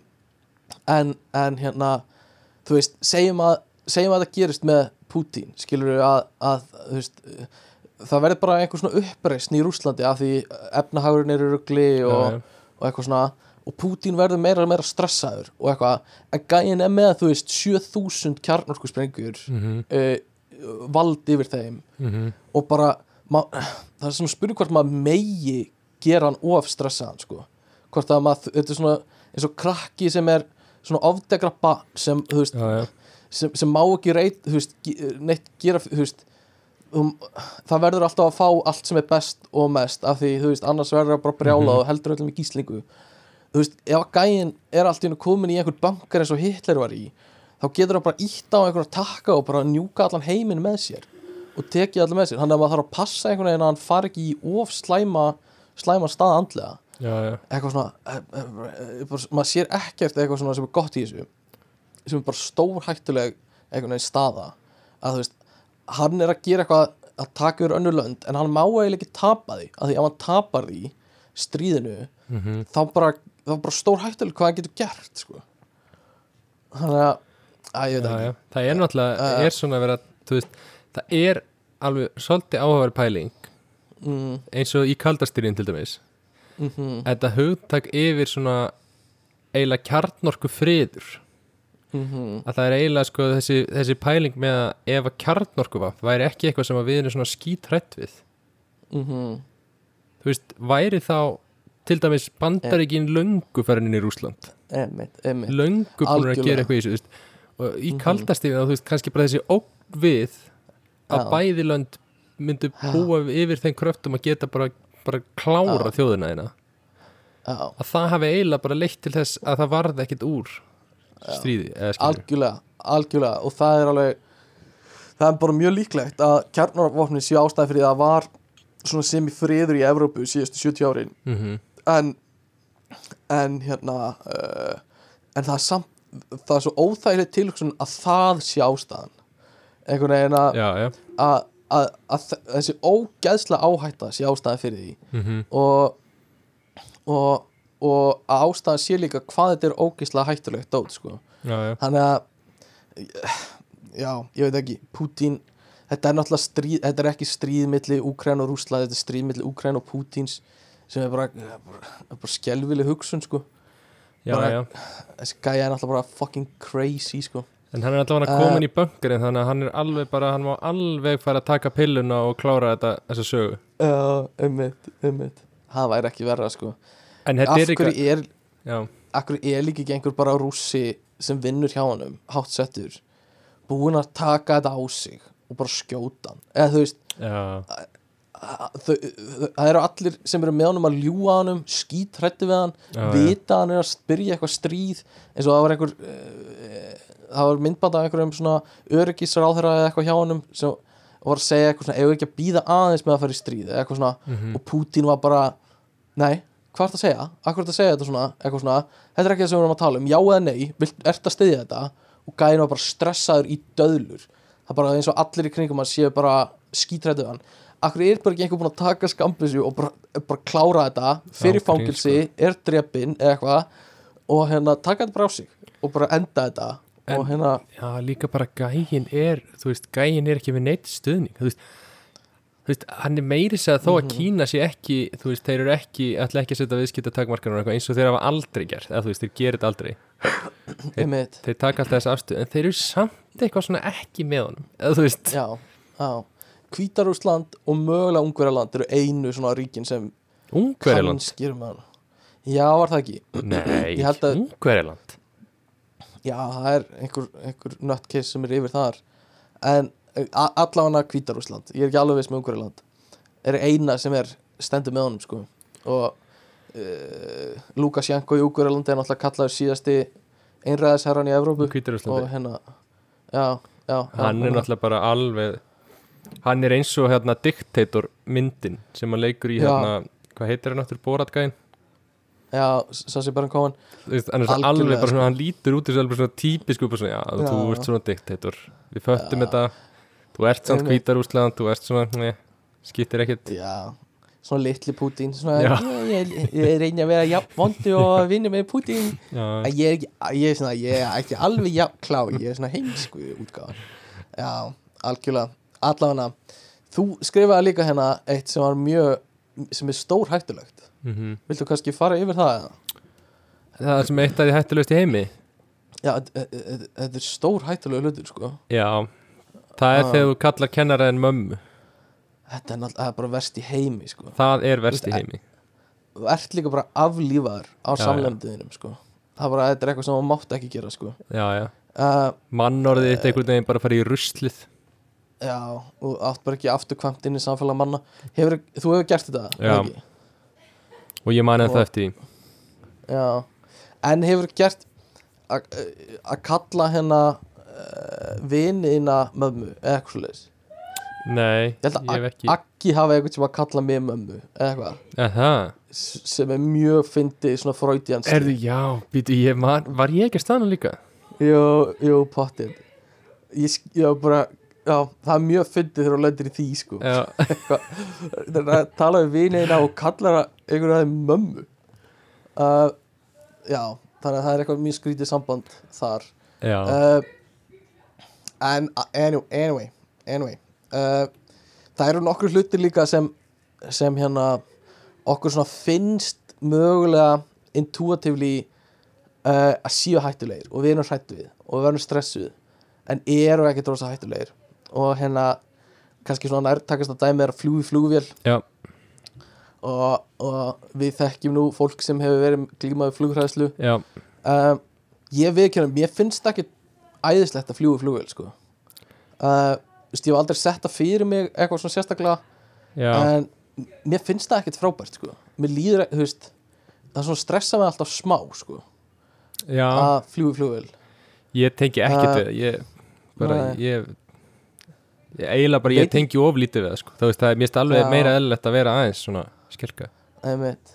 ég veit ekki uh, hvað það er það er eitthvað svona að þú hefur ekki stjórn yfir aðstæðunum og eitthvað svona uh, þú veist líka eins og við vorum að fljúa heim einhvern sem frá ungverjalandi hóp, vinahópurinn og ég var sofandi Já, og hérna og, og, og kemur einhver tilkynning í kallkerfið og, og vinur minn veku mig og svona fyrsta sem hann segir er bara herru, uh, við erum ekki með nóg bensín á flugvél. Var þetta ekki ég sem segði þetta þig? ég, þú eða Tommi eða eitthvað. Og ég er bara svona, þetta er fyrsta sem ég heyri þegar ég vakna og ég er bara eitthvað svona uh, ha? Að Fyrirgjöðu? Og svo fæ ég ekki frekari útskýringar alveg strax. Þannig ég er bara "Já, ok, hann er, þetta er bara hingaður við komnir og þetta er bara hann er endur þetta bara, Ég- ok. ég sagði þetta við þig, ég man nákvæmlega eftir þessu. Uh, og, og svo kemur bara ljóð eða eitthvað öryggis ástæði þá þarf að fylla á bensinu og við lendum í Noregi eða eitthvað. Þannig að auka svona Noregs ferð hjá okkur félagunum en, en þá var ég bara eitthvað svona ah, ok. Þannig að þetta er bara búið. Og tók mér bara svona smá tíma að þau útskýru fyrir mér "Nei, nei, við- þetta er ekkert mál, við þurfum bara að lenda annars staðar. Já, um, og en, en taka það fram það er líka ekki það versta í heimi þó að flugvél verði bensinlaus eða reyfillin Nei, bilar, eitthvað slags um, svona s- það verra ef hún er yfir sjó sko, þá er svona er minni hérna lí- líkur á að lifa af. En ef þú ert í flugvél og það verður bensinslaust og þú ert yfir landi þá er oft hægt að glæta flugvélinni bara í stans sko. Já, já, og hérna og, veist, og oft bara gengur það ágætlega. Um, þú ert með meira líka eitthvað.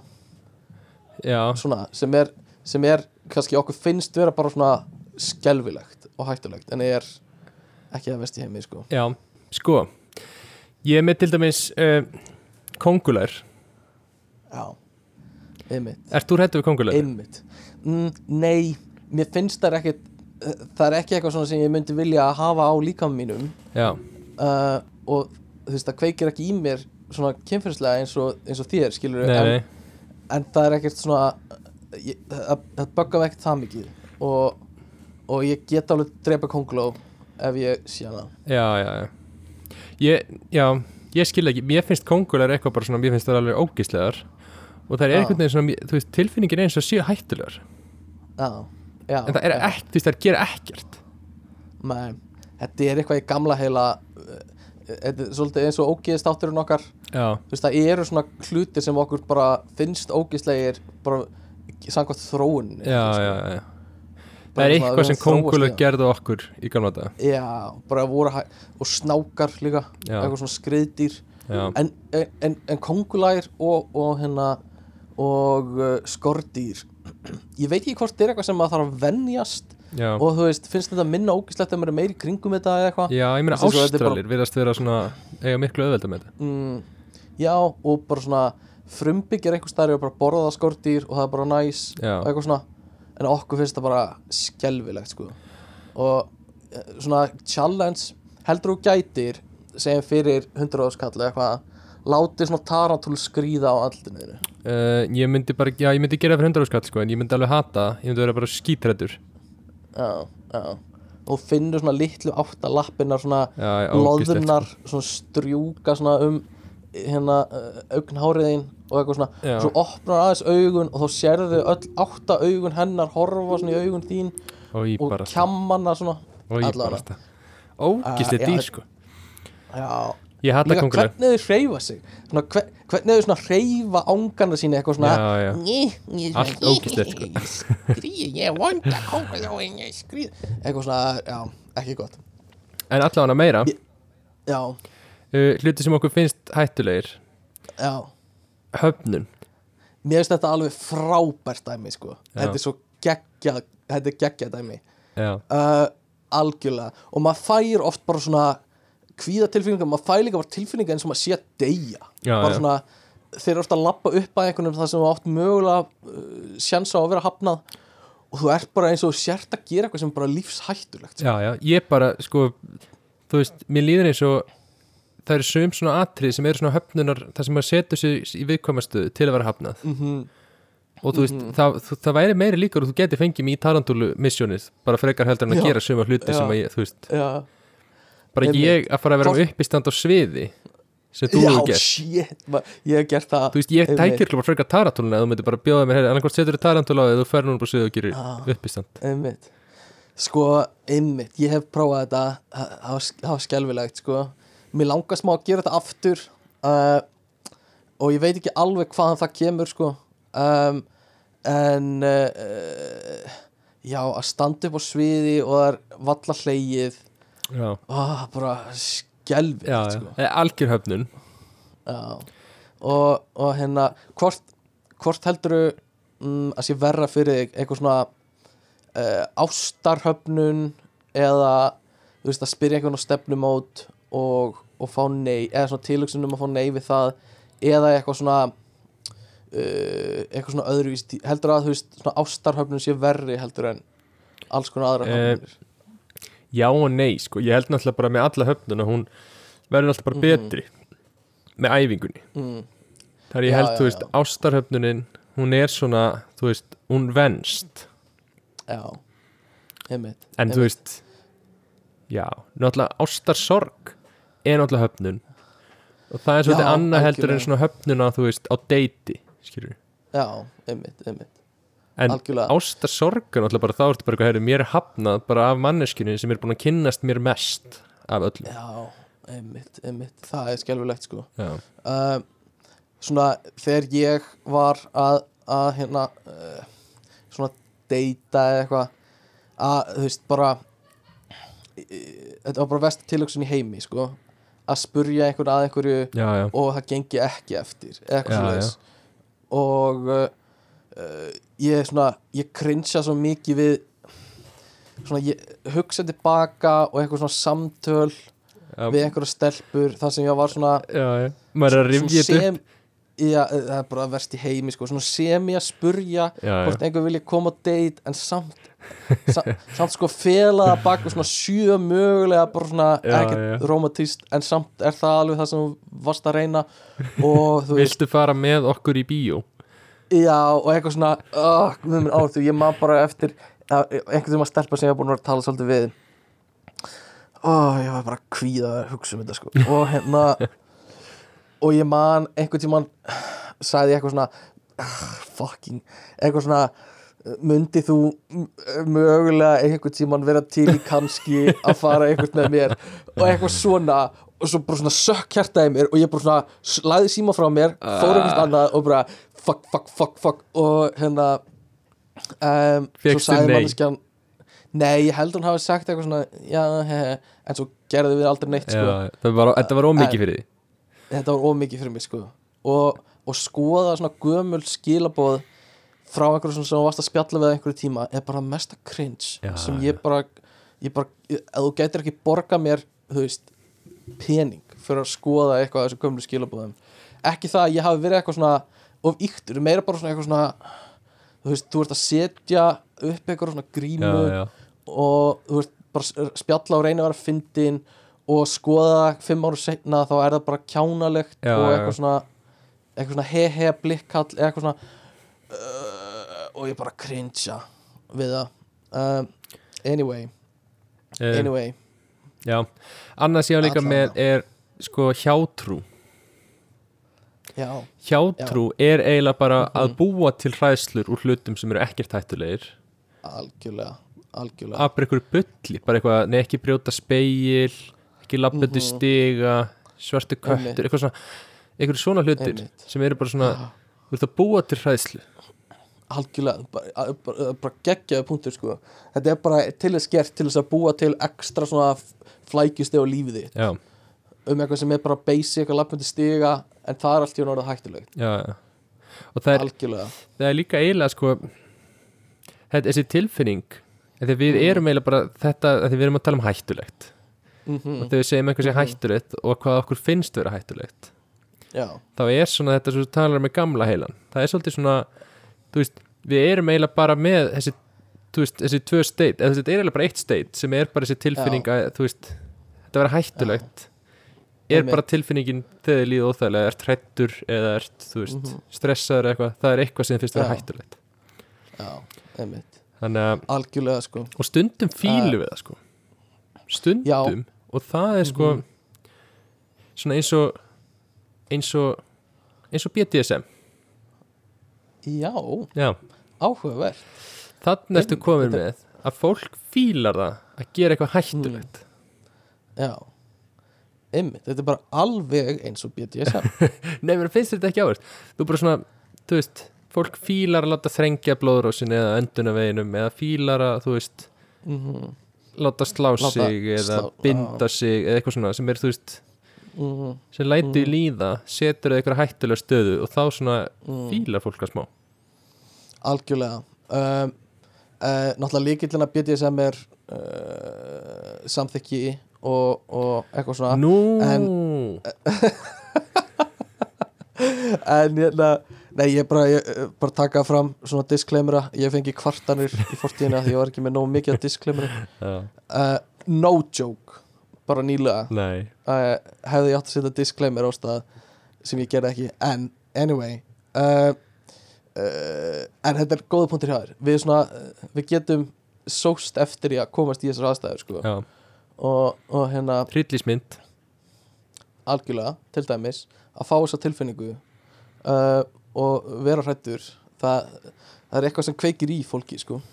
um, þannig að já.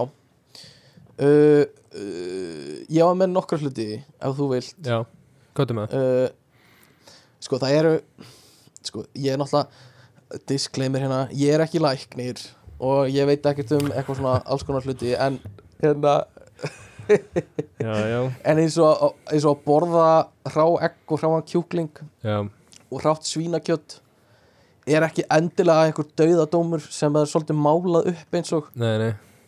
uh, það er oft bara eitthvað svona ekki einu svona voga að snerta hrá egg. Það er salmonella og salmonella dregur þetta dauða. Uh, og sama með svínakjöt. Það eru alls konar sjúkdómar í þessu eitthvað svona. Það er, það er smá bara svona eins og að eignast börn með sískinniðinni sko. Það getur gerst að verður það er eitthvað meiri líkur. Miklu Já, meiri líkur, líkur. Já, það eru meiri líkur heldur en að borða hrátt nauðakjöt eða eitthvað. En uh, en það er samt eiginlega alla líkur á því að það verður bara mjög heilbröður einstaklingur sem kemur út úr sambandin eitthvað sko. Um, og þú lifir af að borða hérna borða kjöt, nei að borða hrátt egg og eitthvað svona. Mhm. Uh, hérna uh, eins og líka uh, tunna af bensíni er ekki, þú veist uh, er ekki alveg jafn svona mikil sprenging sem getur komið að fólk býst við kannski. Og, og sama með eins og bíla svona veit að þú veist, bílar yfirleitt springa ekki. Þetta er náttúrulega, að þar já, þetta er tölvulegjum að kenna. Já, eiginlega á bíómyndum. Þú veist að þau, þau brenna og það sem er eiginlega hættulegast við þetta er, þú veist, þegar dekkin springa Já, eða þegar, þegar gummi byrja að bráðna og það eru, veist, óhallar gufur sem eru í loftinu. já, en þú veist, bensíni sjálft þarf súrefni til þess að springa og það er bara það er ekki, það er bara ólíklegt að það gerist. Og sama með eins og að þú skýtur byssu í einhverja ólíutunnu eða bíl eða eitthvað það er bara mjög litla líkur á að það komi einhver svona sprenging eins og, eins og í hérna bíómyndu eða eins og í tölvuleikunum en í tölvuleikunum þá er þetta bara sko þetta Bara er bara þekkt lögumál Já, já, já. þetta er bara lögumál að þú sérð óljutunnu eða, eða hérna eða svona, uh, svona, svona slökkutæki eða eitthvað Já, svona. þá bara veistu að þú skýtur þetta þá springur það. Og þú veist það er ekki þannig í raunveruleikunum alltaf, það getur gerst en það eru, það eru ekki dróðsum miklu líkur á því. Um, og svo þú veist eins og pitbull hundar mhm. uh, e, eiga að vera svaka hættulegir hundar og eitthvað svona. Uh, það er kannski einhver tölfræði bak við þetta að það eru fleiri pitbull hundar sem eru uh, hafa bitið fólk og eitthvað svona, ég þekki ekki en svona heilt yfir þá er þetta bara hundar og það bara fer eftir einhvern og elur það upp. Já, já. Skilur hversu hættulegir þeir eru? En ég meina pitbullhundar er náttúrulega, þetta er svolítið íslenskt að pitbullhundar séu bannaðir, eða ekki? Já, en það eru líka svona, á, svona minni svæði inn í löndum í útlöndum sem, Já, sem hafa bannað þú veist, þú mátt ekki vera um pitbullhund í þessu hverfi eða í þe þú veist, á þessu svæði hérna. Uh, en Ísland er bara alveg búin að banna þetta. Uh, sportdrekar þú veist, það eru til 1500 sportdrekategundir en kannski 25 sem eru eitthvað hættuleg mönnum sko. Veistu, en í minningunni þegar ég var lítill þá var bara sportdreki hættulegsta dýr í heim veistu, ég hugsaði þetta á það, þú sagðir hættur ég hugsaði, vá, sportreiki, og svo hugsaði ég pottit ef ég googla sportreika þá eru þeir Mhm. ekki svona hættulegir. Nei, einmitt. Þi- En þeir lúka fucking crazy, insane hættulegir sko. Já, já, já, klær og stingu odd á endanum og eitthvað svona já, já, uh, ég er cool svona, þetta er töffara dýr sem á að drepa þig. Um, og hérna nota símaðin í flugi eða í lendingu eða flugtaki. Um, þú veist, auðvitað átt að fylgja alltaf öllum reglum sem eru settar í flugvélunum en það er kannski ekki heimsendir ef þú ert að nota símaðin eins mikið á það málað upp sem.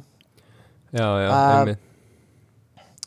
og uh, uh, já, lendi hriðjverka árás náttúrulega skelfilegt að það gerist en það eru mjög litla líkur á því sko.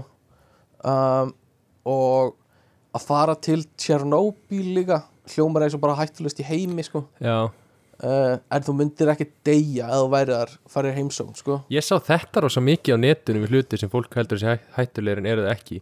Líka bara Já. geislavirknin eftir kjarnorku sprengjur yfir höfuð bara, já, einmitt. Þetta væri ekki svona hættulegt Nei, ég þekk ekki nákvæmlega uh, hvernig það er en það eru, eru nokkuð hlutur í þessu. Sko kjarnorku sprengjunar í dag eru, eru sko margfalt öflugri heldur en eins og Fatboy og, og, og hinn sprengjan sem var varpað á Hiroshima og Nagasaki. Uh, hann er bara svona bara, bara þú veist, mörgum levelum og bara stigum fyrir ofan sko. Mhm, uh, hann að veist þau voru kannski tíu en sprengjunir í dag eru þúsund eða eitthvað. Uh, hvað er þetta eitthvað, Þannig að- hva- hvað veist þú um það? uh, ég sem sagt framleiði kjarnorkusprengjur fyrir háskólinni í Reykjavík inn á bókasamninu þegar ég er ekki að flokka bækunar Háskóli Reykjavík er náttúrulega algjör pentagon. Já, gessanlega nei, ég sá eitthvað grafi yfir þetta hann sá að vera að taka saman hérna hvernig kjarnorkusprengjunir er í dag. Uh, þannig að ég veit ekki hvort að það er eitthvað verra sprengjunar í dag sko, að gæti Já. verið en það þarf ekki drosa marga sprengjur til þess að breyta líka bara þú veist, andrúsloftinu og, og, og fáinan sko nuclear winter sem er alltaf verið að tala um Mm. þegar þú veist þegar það er bara frost og það verður bara kalt og þú Já, veist, já. alls konar líf hættir að geta þrifist en ég veit ekki hversu mikið það þarf uh, en það er alveg svona, alveg svona eiginlega kemur á óvart hvað eru fáar sprengjur sem þarf að þú veist það þarf ekki nema að þú veist Rússland skýtur á Bandaríkin, Bandaríkin aftur á Rússland Rússland Bandaríkin, Bandaríkin aftur á Rússland eða eitthvað já, það er bara búið. Það er bara það er rosa lítið sem heimur getur gert eftir það. Um, uh, en uh, Akkur á Putin þá 7000 stykki? Þetta er svo fucking góð spurning. Þetta er eitthvað svona tippakeppni Já. af því þú þarft ekki nema kannski fimm til að eyða heiminum sem er bara, Er þá það ertu bara nóg. Já, það er málið. Þannig að það, er einhver pæling eitthvað svona til að dreifa staðsetningunni þannig að þú getur sett hana skotið upp hvar sem er til að hafa meiri dreifingu Já. eitthvað svona mögulega. En svo er þetta líka bara tippakeppni bara hver á mest af þeim. Já, og bara þú veist ég er með, ég er með 7000 og bandaríkin eru með 6800 eða eitthvað svona. um, það er það. En það þarf ekki nema örfáur af þeim þannig séð, það væri nóg fyrir að hafa margar á Írani með eða þú veist, Norður Kórea sem með kannski 20 eða 40 eða eitthvað mm Mhm. kjarnorkusprengjur og það, þú veist, það var bara með þú veist með tæki til að eða heiminum Já, ah, anyway anyway, baby uh, uh, ég var rosa hrættu við að hérna eitthvað kæmi úr geimnum eins og loftstein og skilli á jörðina já, já. þe- þegar ég var yngri um, og líka, ég man þegar við vorum að tala um stjörnunar og það var að tala um að sólin myndi þennjast út og gleypa jörðina eftir eitthvað svona eitthvað, uh, tvö biljón ár eitthvað. Já. og ég hafði bara engan sens fyrir því hvað það væri mikill tími. Að ég var bara skítrættu við að þetta myndi gerast. Og þú veist og, og sama með já, ég, bara, ég fekk bara panikatakk inn í einhver skólastof, ég var bara stjarfur og ég var bara já, ok þannig að þetta, þetta er bara enda núna. Já, ég var bara skítrættu þetta bara, ok, sólin er bara að fara að gleypa okkur. Shit. Þetta er bara búið. Uh, en hérna Það er svona líka með- vandamál sem er ótrúlega erfitt já, að hafa áhyggjur af. Já, já, þú veist að taka mikið á þig þú veist að reyna, reyna já, hafa ágjörð því. Uh, og sama með svona loftsteina úr, úr geimnum Mhm. að þið myndu lenda á jörðinni. Þú veist það er eitthvað svona það er eitthvað svona óþægileg tölfræði eitthvað svona við, við getum greint eitthvað prósentu af þeim loftsteinum sem eru kringum okkur og, og hérna við getum ekki greint þú veist, við getum kannski greint af nákvæmni eitthvað x marga viku fram í tíman eitthvað ég er ekki með tölfræðan hreinu en það er hægt að finna eitthvað svona skýri tölfræði uh, en en alla líkur eru á því að það sé ekkert að fara að gerast eða þú veist, það Já, sé já, ekki já. fara að koma loftstein uh, og þú veist, bara 0,001% líkur eða 2% líkur eða eitthvað bla uh, um að, að gerist ekkert. Mm og hérna ég man, ég var, þetta stressaði mig líka ógæslega mikið þegar ég var yngri. Ég spurði einhvern tímann afa minn það var upp í sveit eitthvað svona afi eh, heldur við gætum sendt kjarnorku sprengju á loftstein ef hann kæmi og var að koma í jörðina og afi bara, ég bara veit það ekki sko. Ég var bara, já ok. Hann er, við hann er svona endar þetta bara, við erum bara að að deyja. Ef afi veit ekki svarið Hver veit það Já, ég bara, ok, hann er bara elsti gaur sem ég þekki, sko, hann lítur við. Að ég veit það ekki. Ok, þá deyjum við bara. Þannig að ég var rosa mikið bara eitthvað já, já, þetta endar. að hugsa þetta að, veist, að, að, að það sé einhverju krakkar núna með Mhm. einhverju áhyggjur af einhverju sem væri svo auðvelt að þú veist segja að maður veri bull já, en ég bara svona inn í haustum að eru þau bara shit, það er bara, þetta er að fara að gerast. Hversu margir krakkar heldur líka hafi verið með bara svona eh, Ef ég smita ömmu þá deyr hún úr COVID Pæling, hug, hugsunina. Bara eitthvað svona taka það á sig. Já, já, ah, já, já, Ég get alveg trúið, ég þekki það ekki En ég get alveg trúið að einhverjir ungi krakkar hafi verið að bara lifa við þessa hræðslu já, já. í gegnum allan faraldurinn. Eða bara ógíslega rætt við COVID líka bara, liðið eins og Já, það, það. þau myndu bara deyja ef að COVID kemur algjörlega, líka það. Það ski, skilur vísindin náttúrulega ekki og á tímbili skildi náttúrulega vísindin engin sko en bara algjörlega sko. Mér fannst ég samt alltaf, ég var svolítið svona fannst mér alltaf ná eitthvað og þetta þú varst ansið framilega, þú varst líka sérfræðingurinn hjá öllum íslensku já, það var alltaf ringt í þig. Já, já Ég, hvað segir Guðmundur um þessar nýjustu breytingar, vendingar í málum? Ég er býja eftir reyndar að fá símtal sem Íslandingur í Hollandi. Já, ymmit, ymmit, Ég minn alltaf langa í svoleiðis, bara eitthvað svona ymmit Já, það var hérna King's Day. Tölum við Íslanding í Hollandi?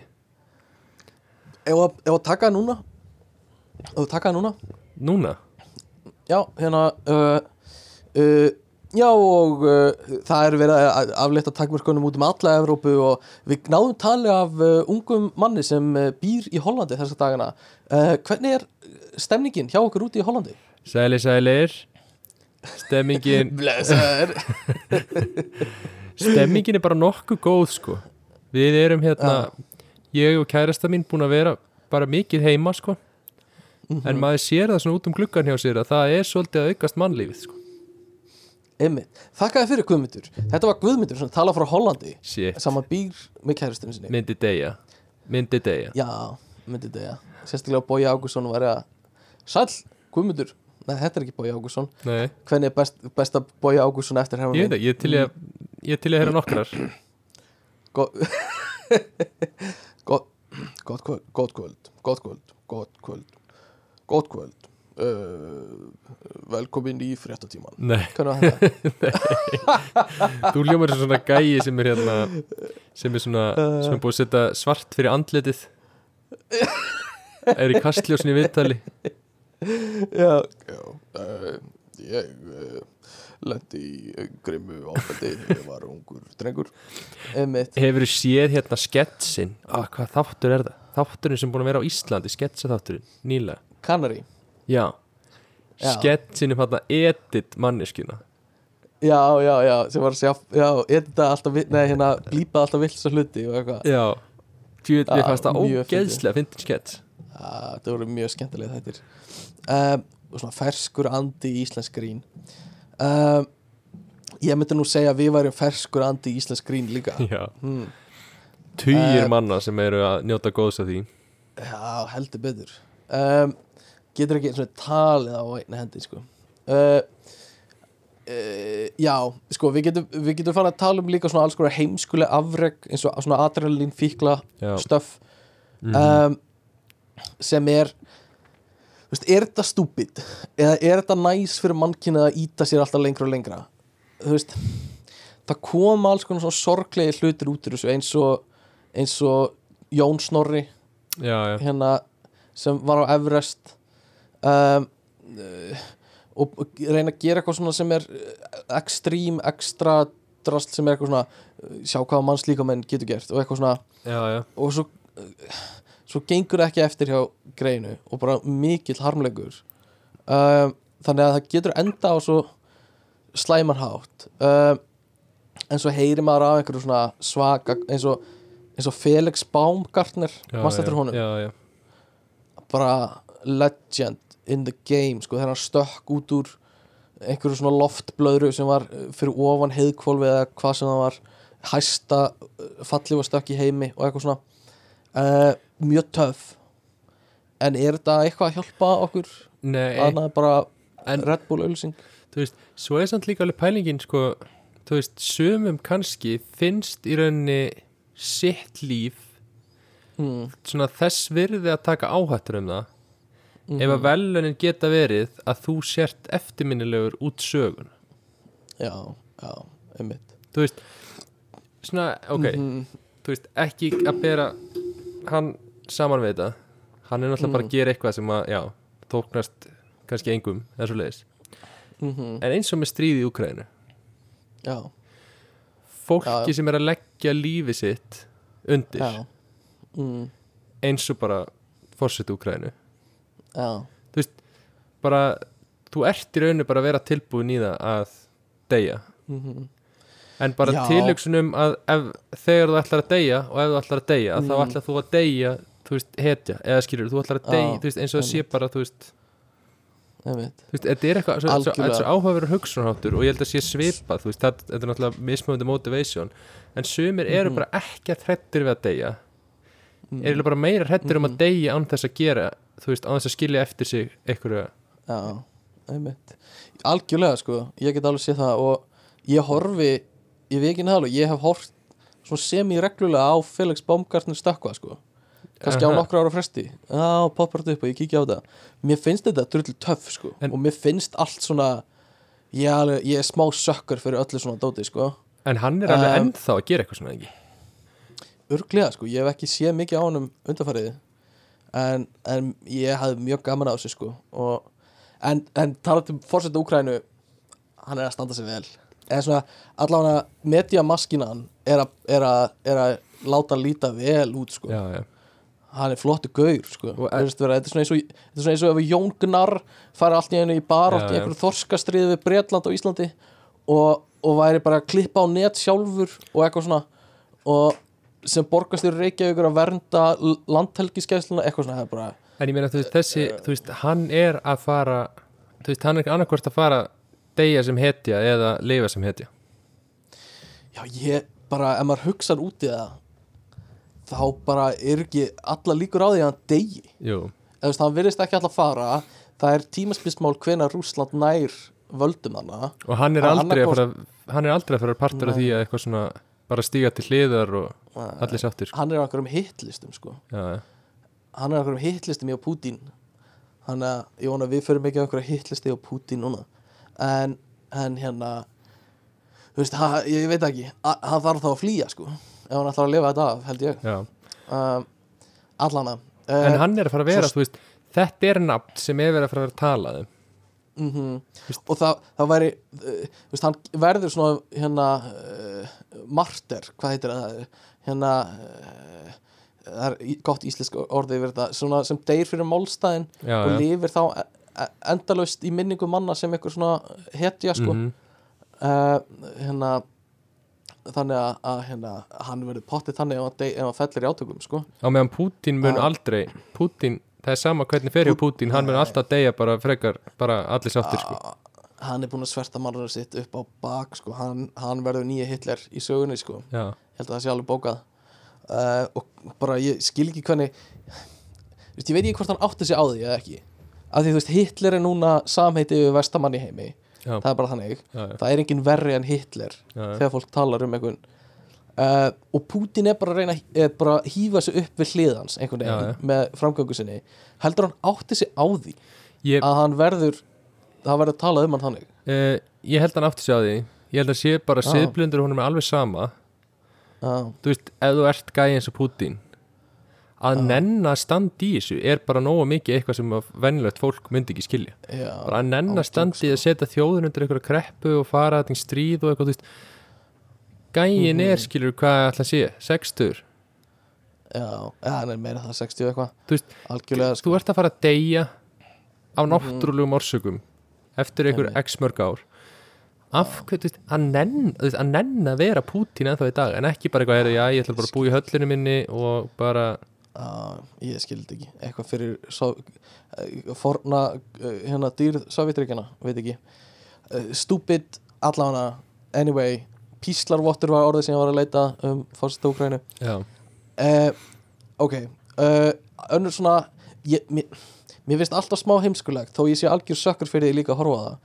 En svona ví- vídeo af fólki á, á hjóli upp á einhverju fjalli á einhverju svona offroading upp á, Já, lengst upp á fjallið sem er bara svona 100 metra dropp á báðar hliðar og það er að hoppa yfir einhver bíl já, og eitthvað já. svona og sama með svona svipað uh, nema bara skíði þegar fólk er að skíða í einhverjum fáránlegum aðstæðum já, já.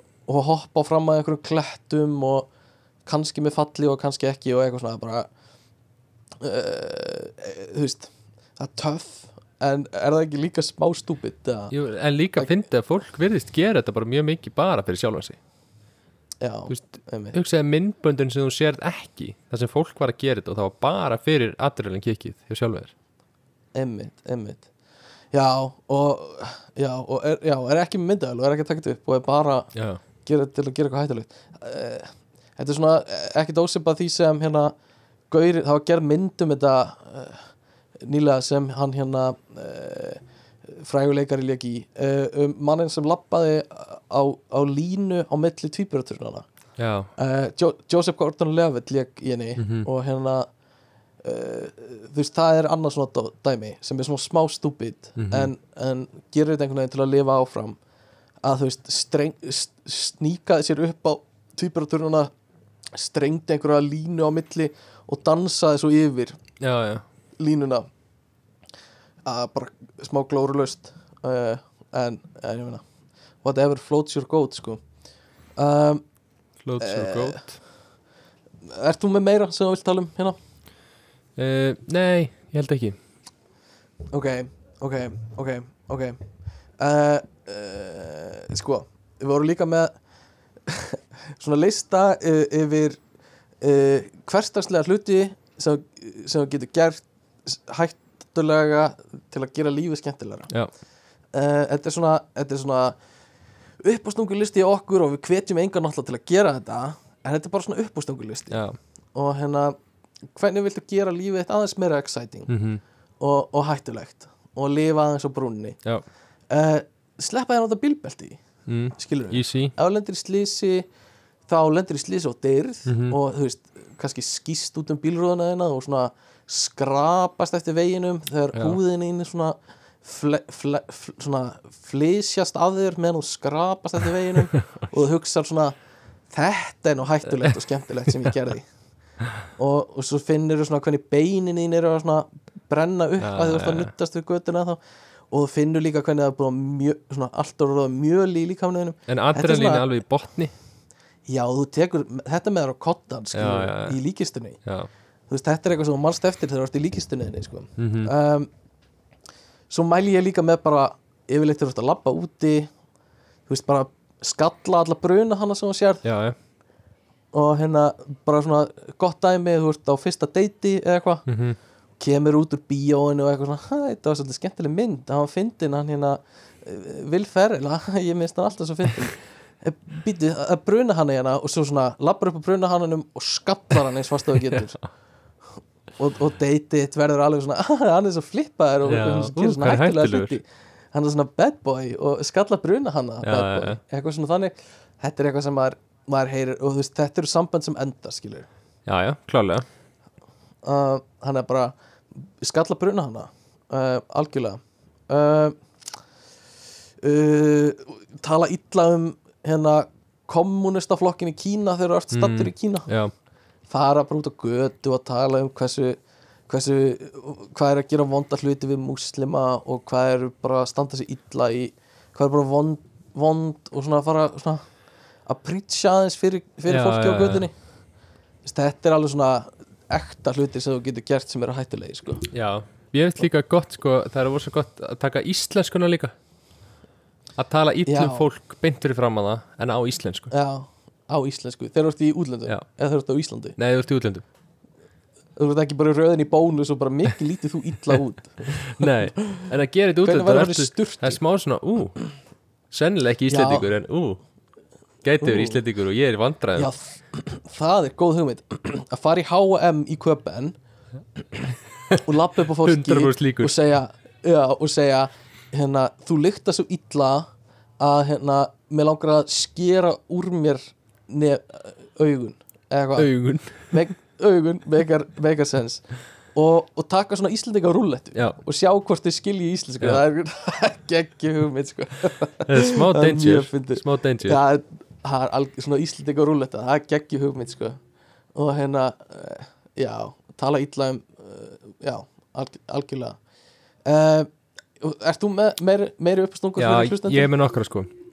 Mm Eitt sem ég finnst mjög fyndin pæling. Já, Mér finnst mjög fyndið að hlaupa yfir götu án þess að horfa til liðar Mér finnst bara svona Uh, uh, tilíksun um þetta bara svona, mér finnst ekki að vera erfitt ef ég segði við bara svona, Steppi, segðu götur þetta.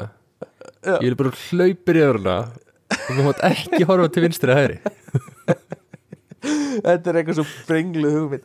Uh, Já, hérna það, þetta, er, þetta er svo barnalegt en þetta er samt alveg svona þetta er alveg hættulegt sko. þetta, er alveg, þetta er alveg eitthvað sem getur komið mjög illa. uh, En það sem er besta er- við þetta er líka að Mm. þetta getur mjög hættulegt uh, En svo getur þetta verið þú að fá ógislega mikið aðdralinn kikk út úr ykkur sem var bara ekki neitt hættulegt. Bara þú að ógislega hratt yfir ykkur götu sem bara Já. engin bíl pælti að sjá einhver sjá, vera bara að labba út einhver staðar labba úti og svo bara allt í hún hleypur einhver yfir götu. Og býtu hvað var að gera?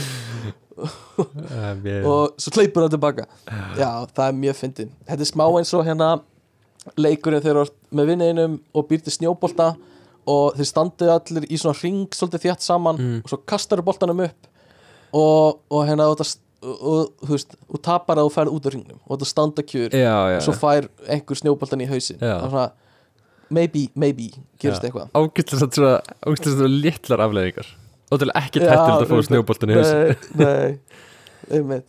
Herðu, annað Já. hérna hjóla hans að halda í stýrið Kanta hjóla halda í stýrið. Já, já, þetta er töffara move sko. Þetta er ég bara þarf samt Já, Já, ég, ég þarf samt alltaf að læra þetta upp á nýtt þegar ég fer á nýhjól já, já, já. uh, Þú veist, ég, ég var orðið góður í þessu gamla hjólinu mínu og svo, þú veist, eins og þegar ég kom til Hollands þá þurfti ég að byrja upp á nýtt svolítið á byrjunarraut að því hjólið hegða sér öðruvísi. En þetta, þetta er algjörlega töffara múl sko. Það er ekkert point í þessu nema að þetta sé smá hættulegt já, já, já, og líka þú ert yfirleitt ekkert að nota hendina í neitt annað heldur en að láta þær hanga svona niður með síðum eða eitthvað. Þú ert ekkert að kvíla þér þetta er bara þetta er bara til að lúka cool sko. Já. Ég, ég er búin að komast að því að ég er betri í þessu ef ég er búin að fá mér bjór. Vá, það er ótrúlegt. Ertu líka betra að keira þegar þú er búin að fá þér? Nei, Ek, Nei, veit ok. ekki um það. Nei, það er, já, ég, ok, ég get trúið því um, ég, ég veit ekki af hverju það ætti að gerast En, en Kannski hérna, svipa þetta með ok. að detta Kannski verður líka með eitthvað svona aðeins svona gott fyrir jafna en hann sé svolítið svona flúið sko. linur og lús, já, það Já. getur verið Algjörlega. Herri, um, stunda kynlíf án smokks Þetta er helvíti góð punktur. Uh, Ég er mikill hérna advocate fyrir því að stunda örugt kynlíf já, og fara á húð og kyn og eitthvað svona. Já, þannig að þetta er 100% eitthvað sem ég tel sem, sem hættulegan hlut sko. já, já. uh, mér finnst alltaf smá stúbid þegar vinið mínu tala um eitthvað svona uh, að þeir hafa farið heim með einhverjum og uh, þú veist fundi ekki smokkin eða eitthvað svona Já. og eitthvað svona hún eitthvað, að gerum þetta bara samt. Og hann eitthvað svona, "Á, ok, gera það bara. Eitthvað slags mér finnst það alltaf mjög stúbit sko. Uh, mér finnst það mjög heimskulegt. Uh, þannig að hérna uh, ég, ég 100% dangerous sko. Dangerous. Og þetta færi tilhöruna þeina upp á nýtt level sko. Fæ ég kynnsjúkdóm, já, gera ég hann álita um, mm það er svolítið spennandi. svolítið þetta er danger spennandi sko. Hefur þú fengið svona uh, uh, já, hefur þú fengið eitthvað svona óléttu hræðslu? Sker? Já, oft. Já, já, það bara fylgir því að vera í sambandi að fá óléttu sker af og til. Já, algjörlega. Þetta, það sekkur alltaf svolítið í manni hjarta. Líka náttúrulega sérstaklega þegar maður var í mentaskóla sko. Já, já, og hérna, og yngri eitthvað svona þetta, þetta er stressandi. Líka sko sérstaklega þegar sko, þegar að svo takið prófið. Mm það er eiginlega versti tímapunkturinn. Það er byðin eftir prófinu. Einmitt það er, það er ótrúið hvað maður getur verið bara eitthvað nei, nei, þetta var ekkert mál. Mm Mhm. nei, nei, svo er þetta eitthvað, eitthvað þú veist, er eitthvað þannig, eitthvað smá tíma og Mhm. svo er þetta eitthvað já, tökum próf. Og þá er líka bara shit, það er bara batna á leiðinni þú veist, já, já, þú verður alveg hvítur í framann og meðan þú ert að býða eru, kom, eru komna tvær mínútur, eru komna fjór mínútur eitthvað svona, algjörlega. Þetta, þetta færi svona smá spennu í, í hverstaslífið sko. Já, svo var ég að hugsa sko annað, mm, að taka þvottaefni ok, setja þvottaefni í eitt saltstök ok. og setja salt Ok. í annan saltstök þetta er algjörlega brengluð hugmynd, sko. Og setja þetta, þú veist, bara hafa þetta í kreitskotnum já, og ruggla þessu svona, uh, ok, ég er að hugsa hvað græðir á þessu. Mm, Jú, að hverju hugsaðu, þú ferir egg á mótnana setur Já. smá salt svo er þetta eitthvað, ú degi, eða er þetta góð egg?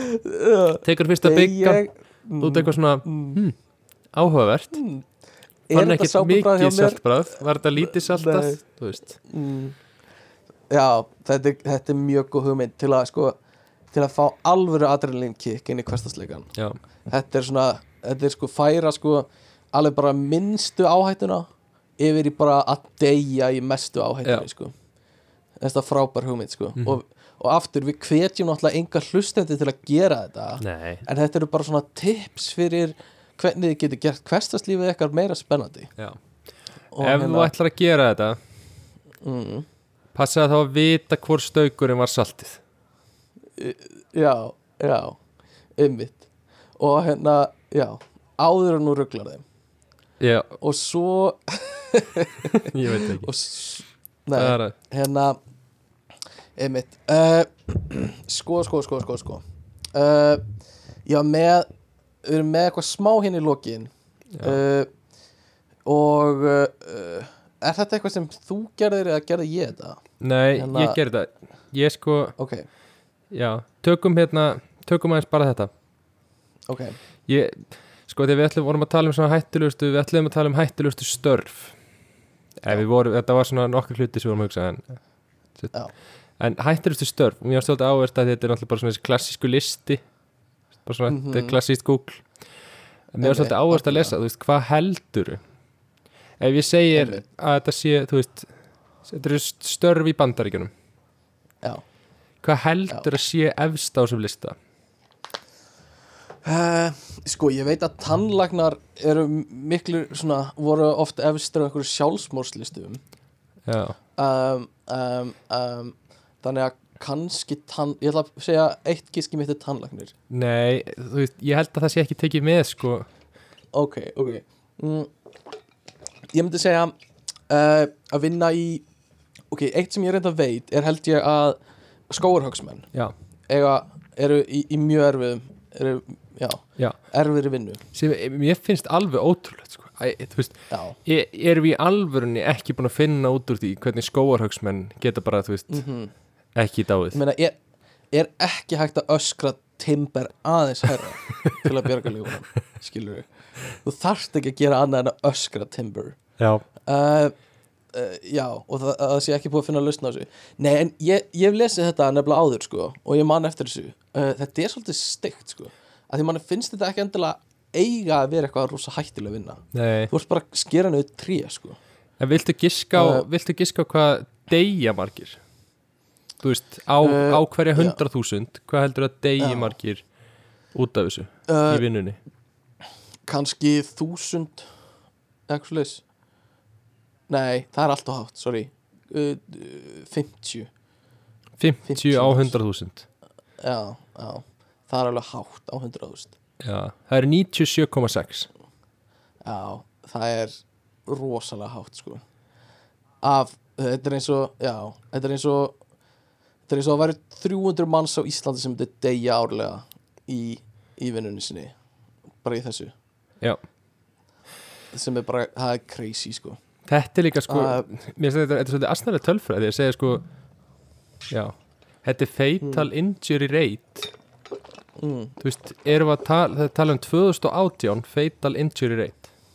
Já, Ef verið að tala um að degi 100 á hverja 100.000 á ári er verið að tala um bara er verið að tala um ég ári myndi, já, ég myndi halda það. 2018 voru, voru þetta margir sem slösuðust það alvarlega að þeir dóu úr sárnum sínum. Og ég meina örgulega fullt af fólki sem deyja ekki en slasast alvarlega líka. Já, sem eru skórahagsmenn og það eru sko Já, lærðu bara að nota öxina þína skilur þetta er ekki flókið, þú þarf bara sítt skegg góða öxi og hérna nota örgispeltið þitt skilur já, ég sé líka, hefur sé myndbandi af einhverju gaur sem er einhvers þar hátt upp í tré. Ég held að sé að skera tréð með einhverju svona vélsög eða eitthvað mjög hátt uppi. Að skera toppin af því.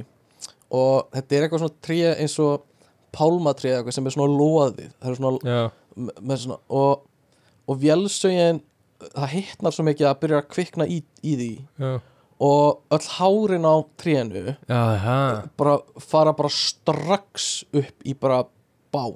Shit. Og hann er bara alltaf stattur í einhverju bara eldflóði af því að hann var að skera tré og þú veist, ég veit ekkert hvað hann kemst niður eða hvað þú getur gert í þessum aðstæðum. Þú veist, þú ert bara bundinu við eitthvað tré lengst uppi og það er bara allt í einu Og bara gerði hann eitthvað?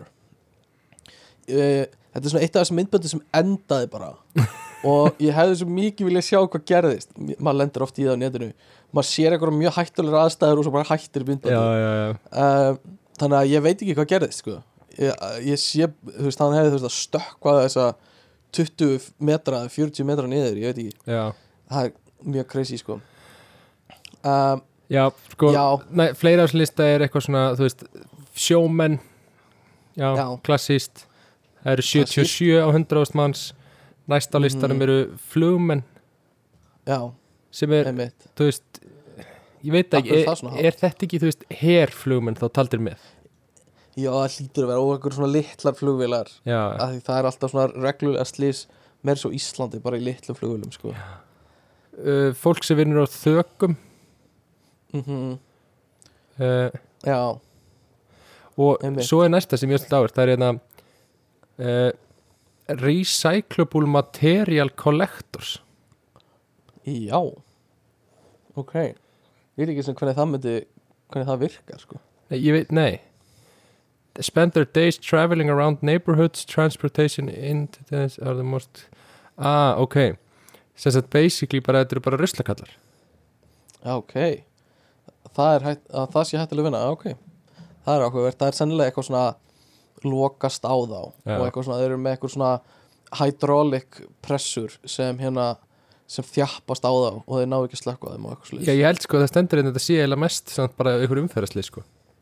Já, það, Já, já, ok. Bara, út, bara er að ta taka hérna hlaupa í göti á hans að horfa Já. aðferðina og, og bara sækja ruslaturina hinum megin við. Já, það getur verið, sko allavega. Þetta er ekkit spennandi listi. Svo er bara eitthvað truck drivers og svo er eitthvað farmers og þú veist Þetta er Einmitt, eitthvað svona einmitt. sjokkrandi Þú veist, ég held að maður myndi fá Nei. bara eitthvað leikskólakennarar. Já, einmitt. Ég var að hugsa eins og formúlu 1 bílstjórar uh, bara hversu crazy eru slísin sem þau lenda í þau lenda í, Já, þau lenda í. Bara eitthvað, þú ert, þú ert að keira á 1000 km hraða og svo kemur eitthvað fyrir dekkið og þú flippar bara í svona bara svona 15 ringi í loftinu já, og bara svona skélin af bílnum er eftir. já. Og bílinn er úr engu. Já, já, já, hann er bara hann er bara loft, sko, halda hann á léttum.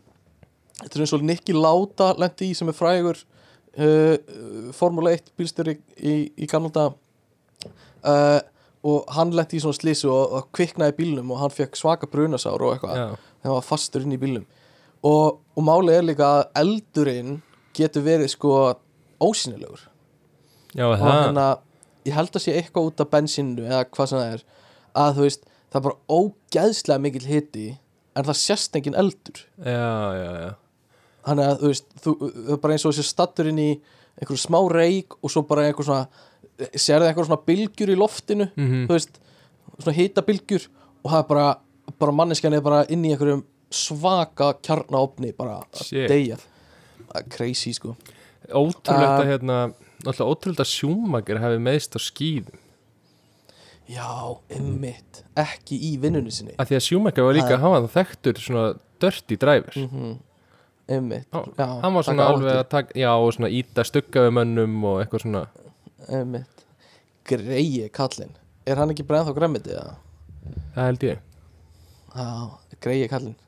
Uh, Síðasta sem ég lágur að segja er hérna Jackass-gaurunir já, uh, Ég er sökkar fyrir Jackass já ég horfði á Mér hann daginn. Já, mér finnst þér ógeðslega fyndnir. Já, uh, og hérna uh, og, og ég bara tek það á kassan ef einhver vil dæma það. En hérna uh, þú veist, það sem þau voru að gera er bara eitthvað, bara eitthvað rugg, þú veist, já, já, að nauta að endalust með eitthvað svona að láta þú veist, vera að flippa í einhverjum nautum og veist, fara inn hjá alls konar dýrum, krókudýrum Já, og eitthvað já. svona og bara að enginn af þeim dó eða slasaðist alvarlega við vinnuna sína já, já, já. náttúrulega einn af þeim sem dó í bílslýsi bara en, en hérna að þeir hafi allir sloppið svona þokkalega í, í gegnum þetta finnst mér bara ótrúlegt sko já algjörlega og og þeir eru líka bara þeir eru, þú veist þeir eru enda svona dæmið það. Hugsa er að, þú veist, þú pæla eins og bíómynda jackasmyndindar, mhm, það tekur eitt gaur þarna. Mhm, og þú veist, þessi gæði fór ógislega mikið pening fyrir þessar myndir. Mm, og það er samt svona sumt gerður sem var bara eitthvað svona, ég herði, þú ert að hlaupa í gegnum hérna, teysera þú ert að fara í nautat og þú þarft að Mhm. láta snák býta þig. Eða þú veist, mhm, eitthvað svo leiðis mhm, og bara eitthvað, fyrir það færðu 300 miljónir já, einmitt. Skilur já, já, algjörlega. Maður myndi gera þetta sennilega sko. Uh, þessi en- gæðir gerði þetta náttúrulega bara upphálega á þess að fá neitt fyrir það. Já, basically sko. Og, og hérna þeir voru að uh, Johnny Knoxville hefur, hefur fyrsta sem hann var eiginlega að gera var að, að reyta svona uh, svona, svona tæki til að stoppa einhverna ráðastæð eins og taser eða rafbissu eða hérna Mm. piparúða eða eitthvað Já. og hann tók fyrir bara að lét, gera þetta allt við sjálf á sig og eftir á sagði hann sko að að piparúðin hefði verið sko langverst Aha. sem kom mér smá óvart ég hefði haldið eitthvað þessu rafdóti eða einhverju en hann sagði bara að vera piparúðar í augun er bara sennilega einn versti sásöki sem ég hef fundið já, veistu, ég get alveg trúa þessu sko mm. og það bara, það er ekki sjens að gerir neitt eftir það ég held að að- teyserinn sé ekkit svo slæmt sko. Nei, og getur sennilega komist í gegnum það og haldið áfram að, að ráðast á okkur. Þannig að ef einhver vill og er einhver að pæli hvað ætla sé besta svona, svona örgis tæki til að hafa piparúði. Já, og hérna bara passa á hvernig þú notar og spyrir hann ekki á þig mm. í, í rétta átt. En hérna ég bara, það komið smá á óvart sko, að það væri uh, en svona það meika kannski sens eftir að hekja uh, sko, til að loka þessu þætti lokaði mig að gera eitt og, og langar að sjá svolítið hvernig, hvernig þú uh, taklar, ég með nokkra hluti sem hérna uh, eru hættulegir eða svona hættulegar aðstæður og maður langar að vita hvernig þú myndir tækla að díla við þær. Ok. Uh, og svo er ég með rétt sem sagt, rétta leiðin til þess að díla við þú veist, hættulega hluti. Mm og, og, og kannski að fyrsta uh, væri bara uh, þú ert stattur í, í rosalegri svona ringiðu af mannfólki svona krát mm. á kannski tónleikum og þú bara finnur hvað það bara vera að þéttast og þjappa að þér og hérna og bara hvað, hva, hvernig dílar við það? Þú veist. Já. Ég er náttúrulega er, þú veist, já. Ég veit ekki, ég myndi náttúrulega bara survive svona sko, því ég náttúrulega bara er bara nóga hávaksin í það. Mm, einmitt. Erum við að tala um svona að vera að þrengja að mér og ég er bara eitthvað að missa loftið og eitthvað svona? Já, eitthvað svo leið sko. það er uh, það talað um að, að, að eina sem átt að hugsa um og að, sem átt að leggja all, eða alla áslá er að halda þær á fótunum um leið og þú dettur niður þá ertu búin að minka líkunar á þú lifir það bara af um bara helling. Já, þannig að, og ef þú dettur áttu bara strax að reyna að standa upp aftur. Mm, bara vertu standandi er það sem, það sem er hérna það sem er talað um sko. Uh, uh, ok, það brjálar hundur á ráðastæðu, hvað gerur? Ú, brjálaður hundur. Mm. uh, Ég Ég, hérna, vá, ég veit það ekki. Ég myndi bara Ég veit það ekki. Hleyp, hleypir í burtu? Já, þú veist, allir myndi ekki bara hlaupa í burtu. Já, það er rámt, þú ert heimskur. Já, Já, ég slá hann. Þú ert að fara í nefið sko. Já, þú ert að já. reyna að slá hann í nefið og sparka í hann. Og helst sparka eins fast þú getur í nefið sko. Já, og ef hann er komin á þig þá getur þú líka læst fótunauðinum í kringum hann og kramið þannig að livrinas springi. Oi, uh, það er ógeðsleg pæling. Mm, mm. Uh, ef þú ert að keira og það springur allt í hennu dekk þú ert að fleiðverð Já, hvað gerir? ég bara reyni að halda bílnum beinum Mm, og leiðunum að hægast að sér. Einmitt.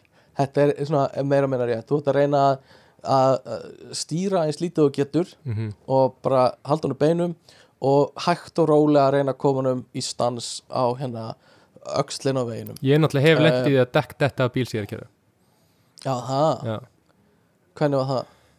þá bara allt nú pompar bara niður önnur hliðin á bílnum já, og ég bara, Ok. og ég bara svona já svo bara Já. byrjar hann að hæja þá mikið á sér og bara svona rásar aðeins og eitthvað Ok. og svo, áhugaverð.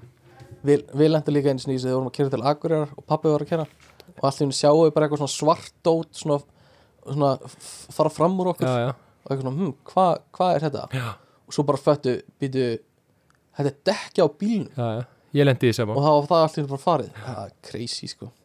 Uh, ef þú dettur honi ísilagt vatn hvað gerur?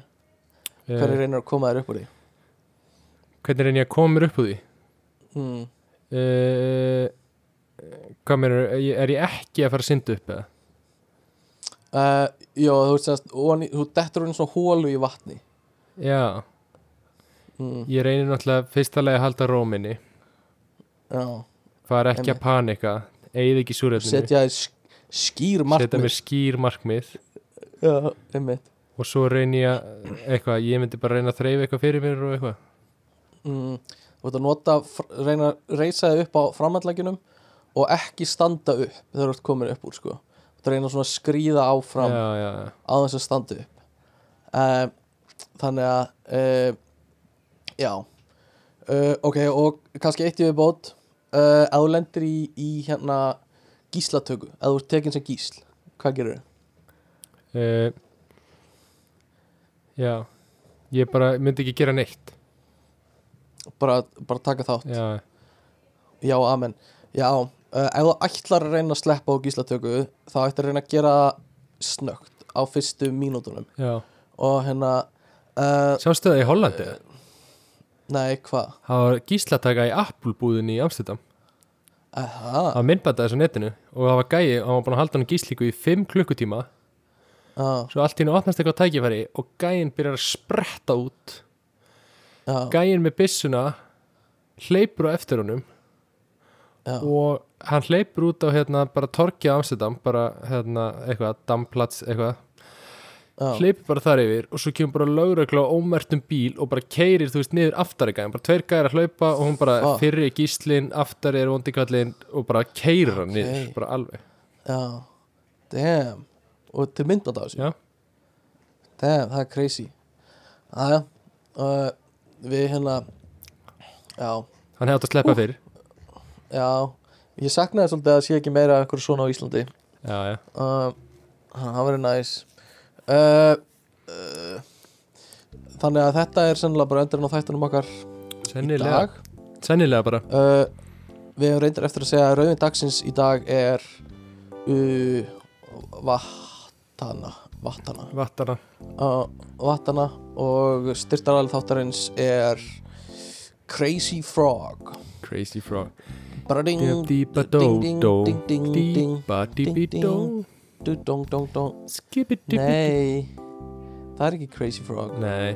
Það Ring What- what's going on? ding, ding. Ding, ding, ding, ding, Ah, Ég sakna gamla internetsins. Já, ég líka. Crazy Frog er styrtaralið þáttarins í dag. Uh, uh, Hafið samband á ekkert að frétta gmail.com eða á Instagram nokkur ekkert að frétta podcast. Um, og uh, eitthvað sem þú vilt koma framfæri á, á, á lokasprettinum? Nei, bara stay, lifi stay safe. Stay safe Stay strong. Uh, Stay strong, við komumst í gegnum þetta saman. Allt sem er í gangi í heiminum. Við erum lið. Uh, Við erum lið, við erum sammening uh, Já ég held að þetta sé fín loka orð. Þannig að við heyrumst í næstu hug Bye, Bye.